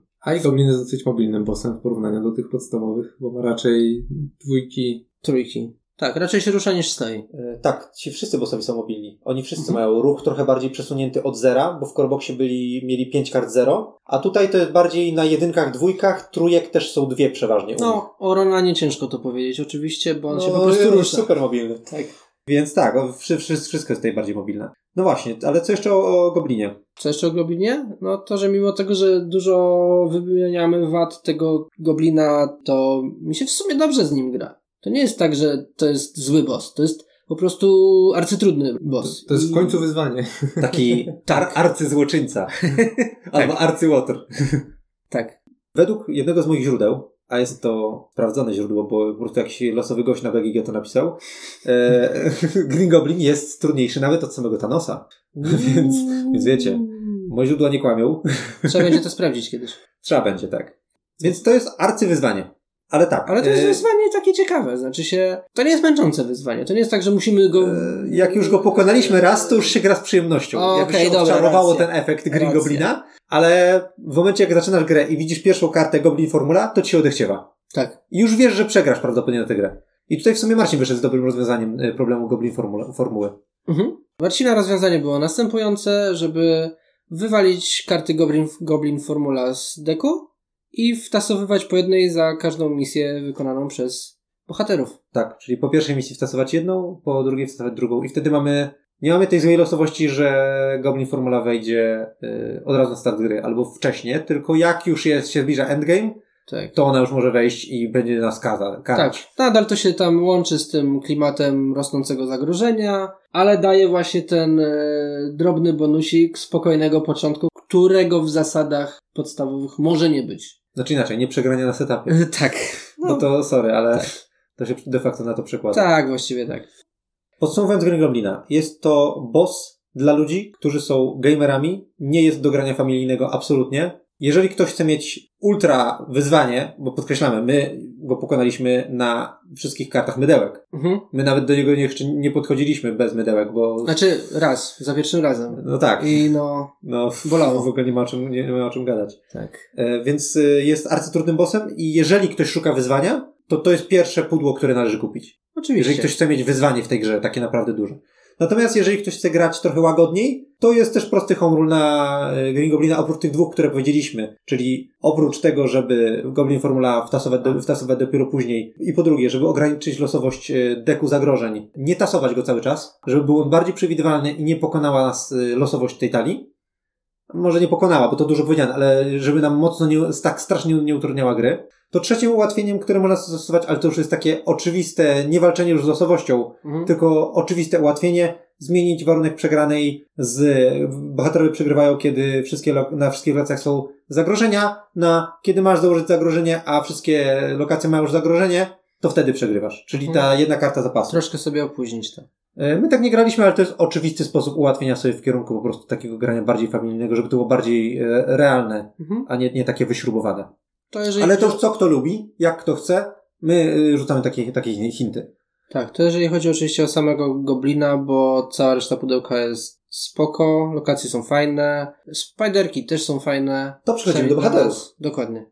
Spaderki są fajne. Przynajmniej dla mnie. I chyba dla ciebie, Marcin, też całkiem się przyjemnie grało spiderkami. Tak, tam każdy ma jakąś ciekawą umiejętność tak naprawdę. Mhm. Znaczy ja tutaj od razu się wtrącę. Dla mnie we wszystkich tych pudełkach wszystkie postaci są w jakiś sposób ciekawe. A dla mnie? Nie ma dla mnie osobiście postaci niejakich takich jak dla mnie były Wasp i Black Widow w podstawowym zestawie. Teoretycznie tak, ale mi na przykład najmniej podeszły Asgardowe postaci. Mm, Grałem każdą i w zasadzie żadną się nie bawiłem dobrze. Nie A wiem dlaczego dlaczego. ci nie podeszły? Nie wiem dlaczego. Nie wiem, może ja, ja chyba nie lubię takiej nieelastyczności. Znaczy, Oni są wszyscy na przemoc jakoś. To jest jedno, ale drugie to jest, że one, oni mam wrażenie mają bardzo by skumulowane w jednej karcie. Na zasadzie jak już masz kartę na siłę, to masz jej bardzo dużo. Mhm. I jak chcesz zrobić kilka rzeczy, to w zasadzie masz jedną kartę z samą siłą i nie wiesz co zrobić. Mhm. Ja nie lubię takich rozwiązań, dlatego też Grut nie do końca mi podszedł, który też jest mocno sprofilowany. Wiesz, masz piąchę i jeszcze użyj drugą piąchę i jeszcze ktoś użyj piąchę, tak? Masz ruch, to rusz jeszcze kogoś, tak? I to jest chyba nie mój styl. Ja lubię się bardziej tak uelastycznić i rozłożyć między tymi symbolami. Mhm. I spiderki mi to bardziej dają. Tam jest dużo więcej zabawy. Oni mają przede wszystkim wszystkie karty różne swoje. Tak. Bo jak na przykład w Asgardzie wszyscy bohaterowie mają trzy kopie tej samej karty Mhm. i to jest na zasadzie podchodzisz i walisz bułę, albo Valkyria ma teleport po prostu, co jest dla mnie super skillem na koniec gry. To, co mnie zawsze wkurza, to gonienie tego bossa. Mhm. Mówię, nie, Valkyria, teleport, jestem przy bossie. Tak, to jest spoko. Ale oni są bardzo, tak, trzy kopie tej samej karty mają. Tak, y, pajączki mają, każdy ma trzy różne karty. I I ciekawe. to są ciekawe karty. Mhm. I każda z tych postaci jest inna. I całkiem nieźle grają z Goblinem. Tu tak się konkretnie do Gwen. skilla Gwen. On ma, ona ma na jednej karcie skill zamień dwa zagrożenia ze sobą. I jak w podstawowych bossach tych zagrożeń im dalej, tym mniej. I ma, nie ma to I znaczenia. Co nie ma znaczenia. Mhm. Grałem ostatnio Gwen i na, chyba na Ronana i w sumie nie było po co tego zamieniać nawet. Mhm. Tak, yy, właśnie w Goblinie to bardzo dobrze gra, bo możesz sobie właśnie podmienić zagrożenie, które da się łatwo zrobić, z jakimś innym zagrożeniem, na którym stoisz i go wykonać, a Albo te za- zagrożenia rosną. Albo zabra- zabrać to zagrożenie, jeżeli stoją tu jakieś, jacyś cywile, zabrać je do miejsca, gdzie są same zbiry, nie? Dokładnie. I, albo tam, gdzie są zbiry są dopalone, że trudniej je Mhm. bić, zamieniasz to miejscami, chociaż to akurat też w wielu innych bossach też zadziała, bo wielu bossów, bossów ma trudniej tutaj bić zbirów. Tak, tylko że im dalej w grze, tym Tak, tak, zanim zagrożeń jest mniej. Zanim wyciągniesz tę kartę, to tego miejsca Zaczyna może nie nie być, tak, No. albo nie być tego miejsca, albo nie masz na co zamienić, albo Tak. w zasadzie to jest wybór jeden tak, na tak, jeden. Tak, to prawda, tutaj, tutaj bardzo jest- dobrze to gra. Tutaj bardzo fajnie ten skill gra i no tu jest drobny minus, że on może po prostu, ona może się nie pokazać z dobrej strony grając na innych bossów przez to. No, trochę tak jakbyś tracił skill w pewnym sensie. Czy to mówisz o jednej jej karcie? Jedna karta, to jest drobiazg, dokładnie, ale to taki może być zauważalny. Fajnie grała tutaj, a gdzie indziej nie gra, więc to tak wracając do tej pudełkowej komplementarności. E, Jak resztą bohaterów? No, w Guardiansach i w Panterze. Guardiansi, zostawiłbym ich na koniec. Pantera. Tak, oni są specyficzni. Pantera. Winter Soldier, który dla mnie jest o tyle ciekawym bohaterem, że on po prostu zabija złoczyńcę. On Tak, sobie kumuluje tak. piąstki i na koniec po prostu podchodzi i robi bam. Dokładnie, jak- każdy jest na strzała prawie. Ale jakby nie patrzycie, jest trochę monotonny, bo jednak większość jego kart jest na piąstki, jego specjalna umiejętność jest na piąstki. Trochę tak jakbyś latał po grze i czekał, aż się wreszcie odpali boss, żeby mu, mu sprzedać bułę, a przez całą grę prawie nic nie robisz. No nie, bo on ma jedną gwiazdkę, a poza tym ma piąstki i ruchy. Tak. Więc cały czas robi to samo, a na koniec mówi, no dobra, a już Wilena może bić? Można bić? To gra się skończyła. Zabijam go. Mhm. Bo skumulował sobie sześć piąstek przez grę i po prostu podchodzi. Black Panthera jest o tyle mocny, mocny, no powiedzmy wygodną powiedzmy postacią, bo ma dużo symboli. Ma dużo kart z podwójnymi symbolami, ma te własne karty, które okej, jest wspólny jeden symbol, a zamiast skilla masz dwa inne symbole. Ale tylko dla siebie. Tylko dla siebie, więc on ma dużo symboli, więc Jest on... elastyczny, to co lubisz. Tak. Tylko, że niestety grałem na nim, nim jako złoczyńca, więc nie wykazałem się za bardzo. No Dla mnie akurat to, że on właśnie nie ma żadnych specjalnych umiejętności, tylko więcej symboli jeszcze powoduje, że jest tak strasznie monotonny, jest nudną postacią. Tak, zgodzę się. Jest mm, w miarę mocny i dobrze robi robotę na mapie, ale jest nudnawy, bo nie ma, nie wyróżnia się niczym konkretnym. No i Shuri. E, Zwana też kapitan Shuri. Tak. Czyli mydełka, mydełka, leczenie. Postać do złudzenia przypominająca kapitana Amerykę, ale lepsza od niego. Ma podobny mniej więcej rozkład symboli, tylko że ma trochę mniej symboli, ale ma trzy mydełka Mhm. sumarycznie u siebie. I też jej specjalna umiejętność to jest daj y, komuś mydełko, ale możesz dać też sobie, nie tak jak kapitan, że sobie nie może. Dokładnie. A poza tym tą postać ulecz do maksa. Tak. Więc masz E- wbudowane mydełko i leczenie dla wszystkich. Pozdrawiam. Dla mnie to jest jedna z dwóch postaci, które może nie są przegięte, mm, bo to jest duże słowo i w Kickstarterze są postaci, które są przegięte rzeczywiście, Mhm. ale ona jest dla mnie jedną z dwóch postaci, która jest wyra- wyraźnie mocniejsza od całej reszty bohaterów y, we wszystkich tych czterech dodatkach i w Coreboxie. Tak. Tak, jak coś chcieliśmy testować, to było, tylko nie bierz szury, nie ułatwiajmy sobie za bardzo. Dokładnie. Szczególnie na bossów, którzy mocno biją. Tak. No to wiadomo, to, to leczenie bardzo dużą robotę robi. A drugą postacią, skoro powiedziałem, że według mnie są dwie takie postaci, jest według mnie Spider-Man. Jeżeli oczywiście dobrze się nim zagra i dobrze się wykorzysta jego umiejętności. Bo Spider-Man ma standardowy jakiś tam rozkład symboli, ma trochę więcej ruchu niż inni bohaterowie, ale jego specjalne umiejętności to jest pierwsza. Dodatkowo, oprócz tego, że się ruszasz, dobierz sobie dwie strzałki ruchu na przyszłość. Mhm. Druga to jest, y, masz trzy gwiazdki tylko dla siebie, ale jeżeli użyjesz ich na cywili, to za każdego cywila uratowanego dostajesz żeton piąstki, czyli możesz zrobić trzy gwiazdki i zarabiasz na tym trzy żetony piąstek. A ostatnia jest odwrotna, czyli zrób trzy, dostajesz trzy piąstki w tej kolejce i jeżeli użyjesz ich na zbirów, dostajesz trzy gwiazdki. Znaczy za każdego zbira zabitego w ten Tak. sposób dostajesz gwiazdkę. Tak, więc dokładnie. I tak maksymalnie jest jesteś w stanie zarobić dodatkowo sześć żetonów. Osiem, bo w zasadzie jeszcze dwa ruchy. Ze wszystkich skilli. Tak, Więc ale, ale, ale, ale to się kosmos. tak zamyka powiedzmy w standardowym, że dostajesz dwa tu, a tutaj dostajesz w tej kolejce trzy symbole i jeszcze dostaniesz trzy żetony. Mhm. Okej. Dla mnie to jest za dużo. Oczywiście to czasem może nie podejść, ta karta może się nie wyciągnąć i tak dalej, ale Jak to Tak. wejdzie, to aż miło. to jest wyraźnie mocniejsze od innych postaci. To co, zostają nam Guardiansi, jeżeli Tak. chodzi o opis bohaterów. Mhm. Guardiansi, którzy dla mnie osobiście warto ich kupić chociażby dla bohaterów. Mhm. No, Są bardzo ciekawi, bardzo inni, ale tu akurat w dobrym znaczeniu inni. Znaczy najmniej innych chyba jest Starlord w sumie. Mhm. Bo on, on robi robotę taką jak trochę, zwykle. taki trochę kapitan Ameryka, Tak. daje innym symbole. To w sumie może Tylko nawet dowolny. jak Iron Man. Tak, bo on daje nie mydełka. No ale tak, daje po prostu dowolny symbol. Sama mydełko, a komuś daje symbol. Starlord ma sporo ruchu, a poza tym dodaje symbole. Tak, czyli znowu więcej symboli w lokacji z symbolami, nie? Grut? Grut nie, na koniec. Grut na koniec. Shop, bo on się ładnie ze Starlordem łączy. Drugim nietypowym bohaterem, ale nie aż tak jak Groot, jest yy, Raccoon. On jest o tyle ciekawy, że Karty, karty Rocketa są, mają zawsze dwa zastosowania. I zawsze jedną alternatywą jest wyprodukowanie dla siebie żetonu mydełka, a drugie zastosowanie, no to cóż, y, jedna z tych kart działa tak, że drugie zastosowanie to jest zamieniasz wszystkie swoje zebrane do tej pory żetony akcji na żetony mydełek. A, dowolną ilość, ale nie ma sensu robić mniej niż wszystko. Oczywiście, że wszystko. No. A dwa pozostałe są o wiele ciekawsze, bo mm, zamiast pobierać y, żeton y, mydełka, y, możesz włączyć sobie pasywkę, która polega na tym, że w tej kolejce wszystkie używane przez ciebie żetony akcji działają podwójnie. Mhm. I to pozwala zakończyć grę bardzo ładnie. A jeżeli zgrasz jeszcze shopa ze Starlordem, albo z Shuri, albo z Kapitanem Ameryką i będziesz produkował mu żetony, to gra się kończy podobnie jak przy Winter Soldier. Albo z lokacjami z Guardiansów. Albo z okazją z Guardiansów, tak. To, to gra się kończy tak, że a, można już bić bossa, to ja teraz palę wszystkie żetony, prr, prr, nie ma bossa. Robię śmieszne rzeczy po całej planszy de facto. Tak, tak, tak. W Albo zasadzie możesz też sobie odpalić koniec gry, te,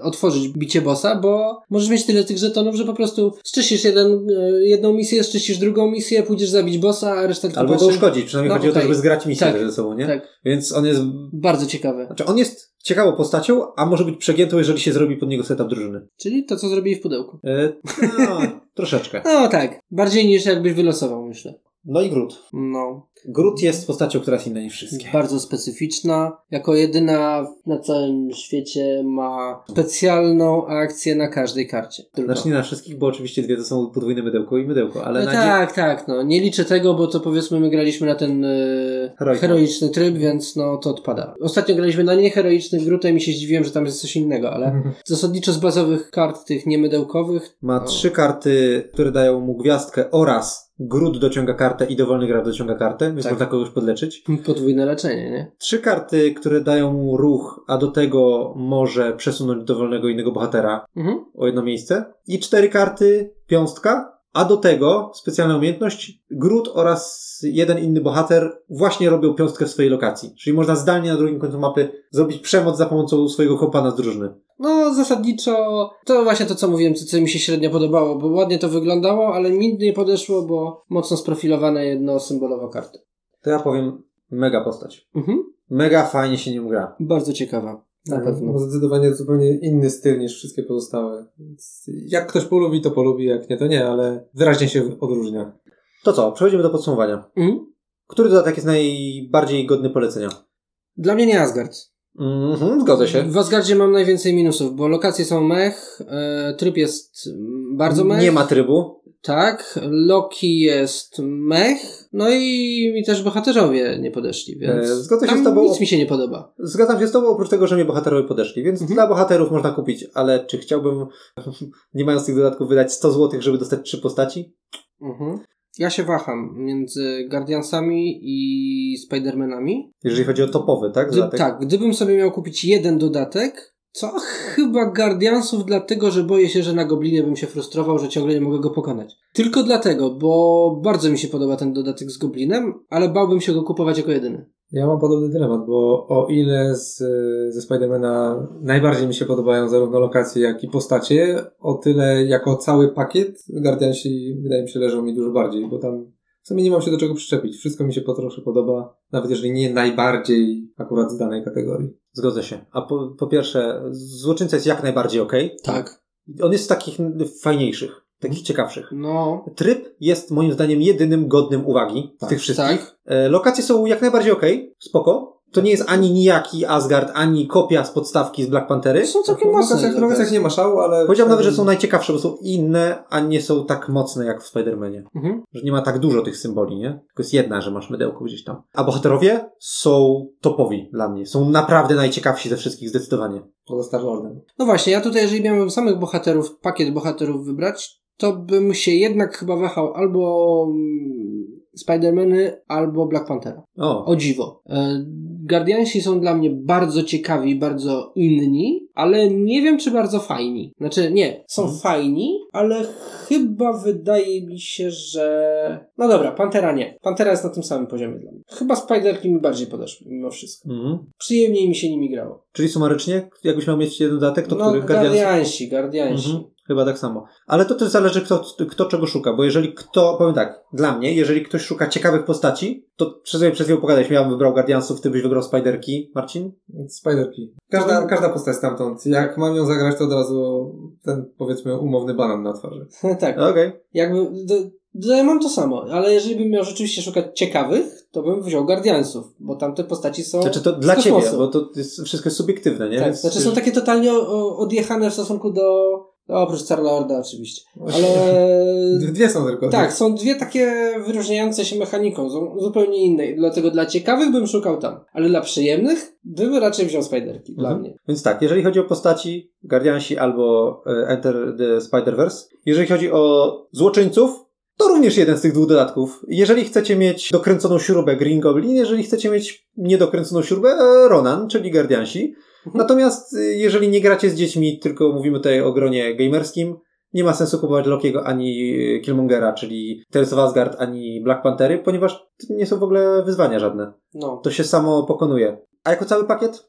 Też chyba kończymy na tych dwóch dodatkach. Jeden z tych dwóch. Gdybyście Tak. mieli, to tak w sumie podsumowując, y, dla mnie najgorszym absolutnie dodatkiem jest Asgard, bo tam tylko z bohaterów da się coś wyciągnąć. Black Panthera jest Mhm. trochę wyżej, bo bohaterowie No. i, i powiedzmy tryb, a jeżeli chodzi o te dwa najwyższe, to są dla mnie mniej więcej na równi. Czy wiadomo, porównujemy. Jeżeli bym miał porównywać, tak powiedzmy, Panterę i no, podstawkę, to jest to samo, tylko że troszeczkę, znaczy jakby można to kupić i mieć to samo, w tym sensie. Więcej z tego samego. Nie kupujesz nic nowego. Nie kupujesz nic nowego, ale okej, jeżeli... Kupujesz trzy postaci. Jeżeli potrzebujesz różnorodności, no to jakby nudzi ci się, że masz tylko trzech bossów i siedem postaci, no to masz czterech bossów i dziesięć postaci i grasz w tą samą grę dalej. Mhm. No, Asgard to Asgard, tutaj nie będę się wywnętrzał, bo to... Nie kopię się leżącego. No nie, no to jest, nie, nie, to nie, po prostu nie. To nie jest dla mnie dodatek. A te dwa pozostałe dodatki właśnie na tyle się wyróżniają, że trochę jakbyś, w- przynajmniej w niektórych elementach dostawał inną grę. No Wa- może przesadzam, Mnie się, ale... mnie się wydaje, że jak ktoś się zastanawia, czy kupić. Tamte warto. Masz podstawkę, nie? Masz podstawkę, znaczy kupić sobie dodatek, dwa, trzy, a może Olin? Kup Guardiansów i Spider-Verse. I, Dokładnie, I więcej nie. dokładnie. Jakbyś miał kupić tylko Panterę, nie byłoby nic innego na rynku, można wziąć w sumie. Okej, tak? Lokiego bym nie wziął, nawet gdyby był na rynku chyba. Więc tak, każdy z tych dodatków to jest stuwa. No i tu jest problem. I to jest trochę też żart. Tak. Bo to jest zawartości może za pięć dych. No, licencja. No, no, licencja. Tak, no. Marcin, jak twój ranking? Ja dokładnie powiedziałem już odpowiedź na to pytanie. Jako pakiet Guardiansi. Mhm. Gdybym miał wybierać elementy tylko z dodatku, a nie całość, to pewnie bym najchętniej brał te z, ze Spiderów. Czyli gdyby nie ten głupi goblin. Znaczy, Trudny goblin. we- niezłe, no to jest wyzwanie, tak? Tak. Znaczy, mnie się wydaje, że jak się właśnie naprawi tego goblina, te dwa aspekty losowości, to on jest spoko wyzwaniem. no tak, znaczy on jest w ogóle spoko wyzwaniem i ja tak jak już się z nim oswoiłem i, i traktuję go jako wyzwanie, to mi się w sumie, to nie jest tak, że nie chcę do niego podchodzić. Nie chcę to grać, nie wiem, na Lokiego albo Killmongera, bo po co? Tak. A Goblina chętnie zagram. Nawet na bazowym zestawie, tak? Na Friendly Neighborhood, na Spiderkach, na Goblinie, na fotoreporterach. Jasne. Pewnie mi się nie udaje i pewnie... Ale nie będę się wkurzał o to, że mi się nie udało. Po prostu to jest trudne i dla mnie fajne doświadczenie. Ostatnie pytanie. Czy grając, mając jakby cały ten pakiet dodatków dokupiony do podstawki, zmienia wam to ocenę gry? I tutaj może zacznę ja, bo ja wtedy rozdzieliłem ocenę.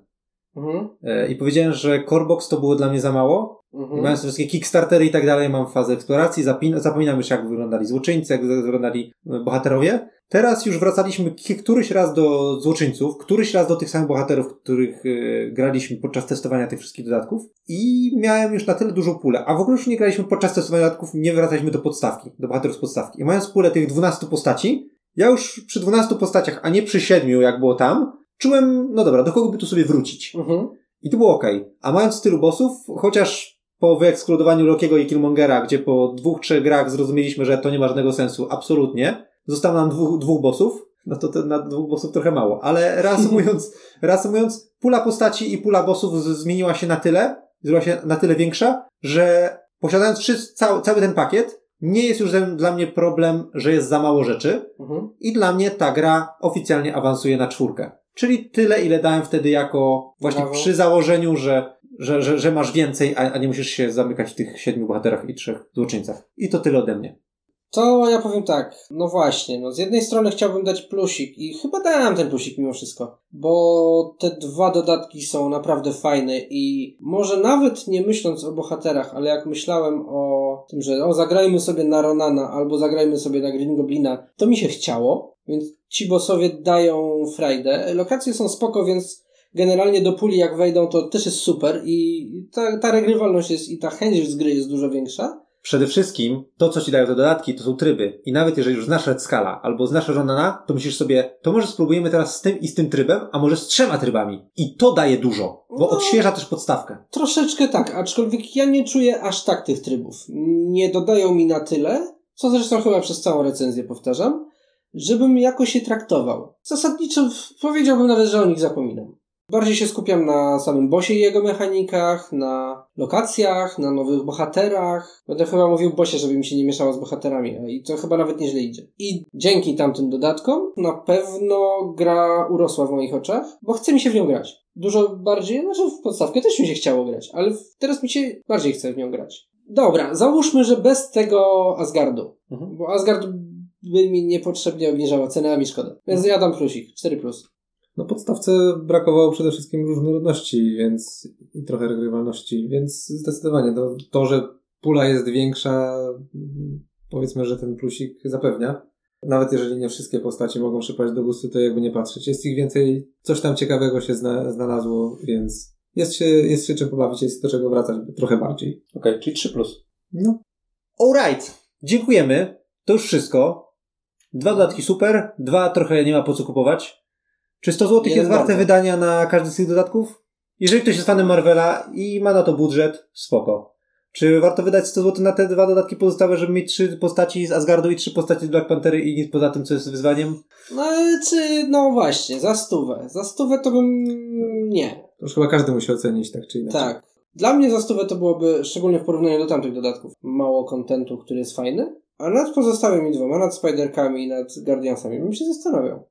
Tak. Więc dwa dodatki fajne, dwa trochę nijakie. Z naszej strony to tyle. Nasze opinie znacie. Dziękujemy i do usłyszenia następnym razem. Hej, hej. Cześć.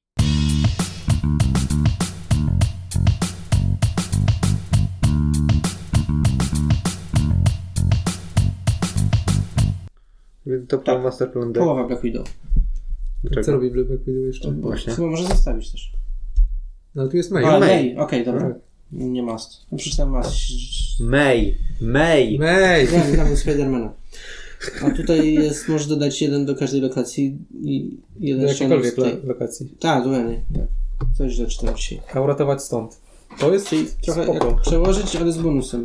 E, Znaczy możesz dodać do tej i od razu uratować. Możesz. Albo jak jest to gdzieś indziej. E, bardzo fajna Bardzo lokacja. fajna lokacja. Bardzo fajna. Tak. Tym bardziej, że jest May. May. To jest Spiderman. Ej, elo, wszystkie te lokacje mają May. Kurde. Rzeczywiście, na lokacji Spider-Man jest May. Ciekawe, Która nam pomaga. Ciekawe, co tu myśleli. Myślę, że taki bohaterowie. Myślę, że to podczas składu tych tekstów, wiesz, ktoś tam napisał te teksty, wiesz, walił w tę klawiaturę, pisał te teksty e, według wytycznych, tylko żeby ładnie zabrzmiały i nagle tak, wiesz, jest ciemno, on tylko, wiesz, ten świeci monitor, on tak siedzi przy tej klawiaturze i nagle tak, taki uśmiech pod nosem, takie ha. I wpisał wszędzie May. Jeszcze dużą literą, a potem kierownik go... Słuchaj, To jest literówka. Ja rozumiem. Krzysiek, tak. ja, ja rozumiem, ale zmień przynajmniej na małą literę.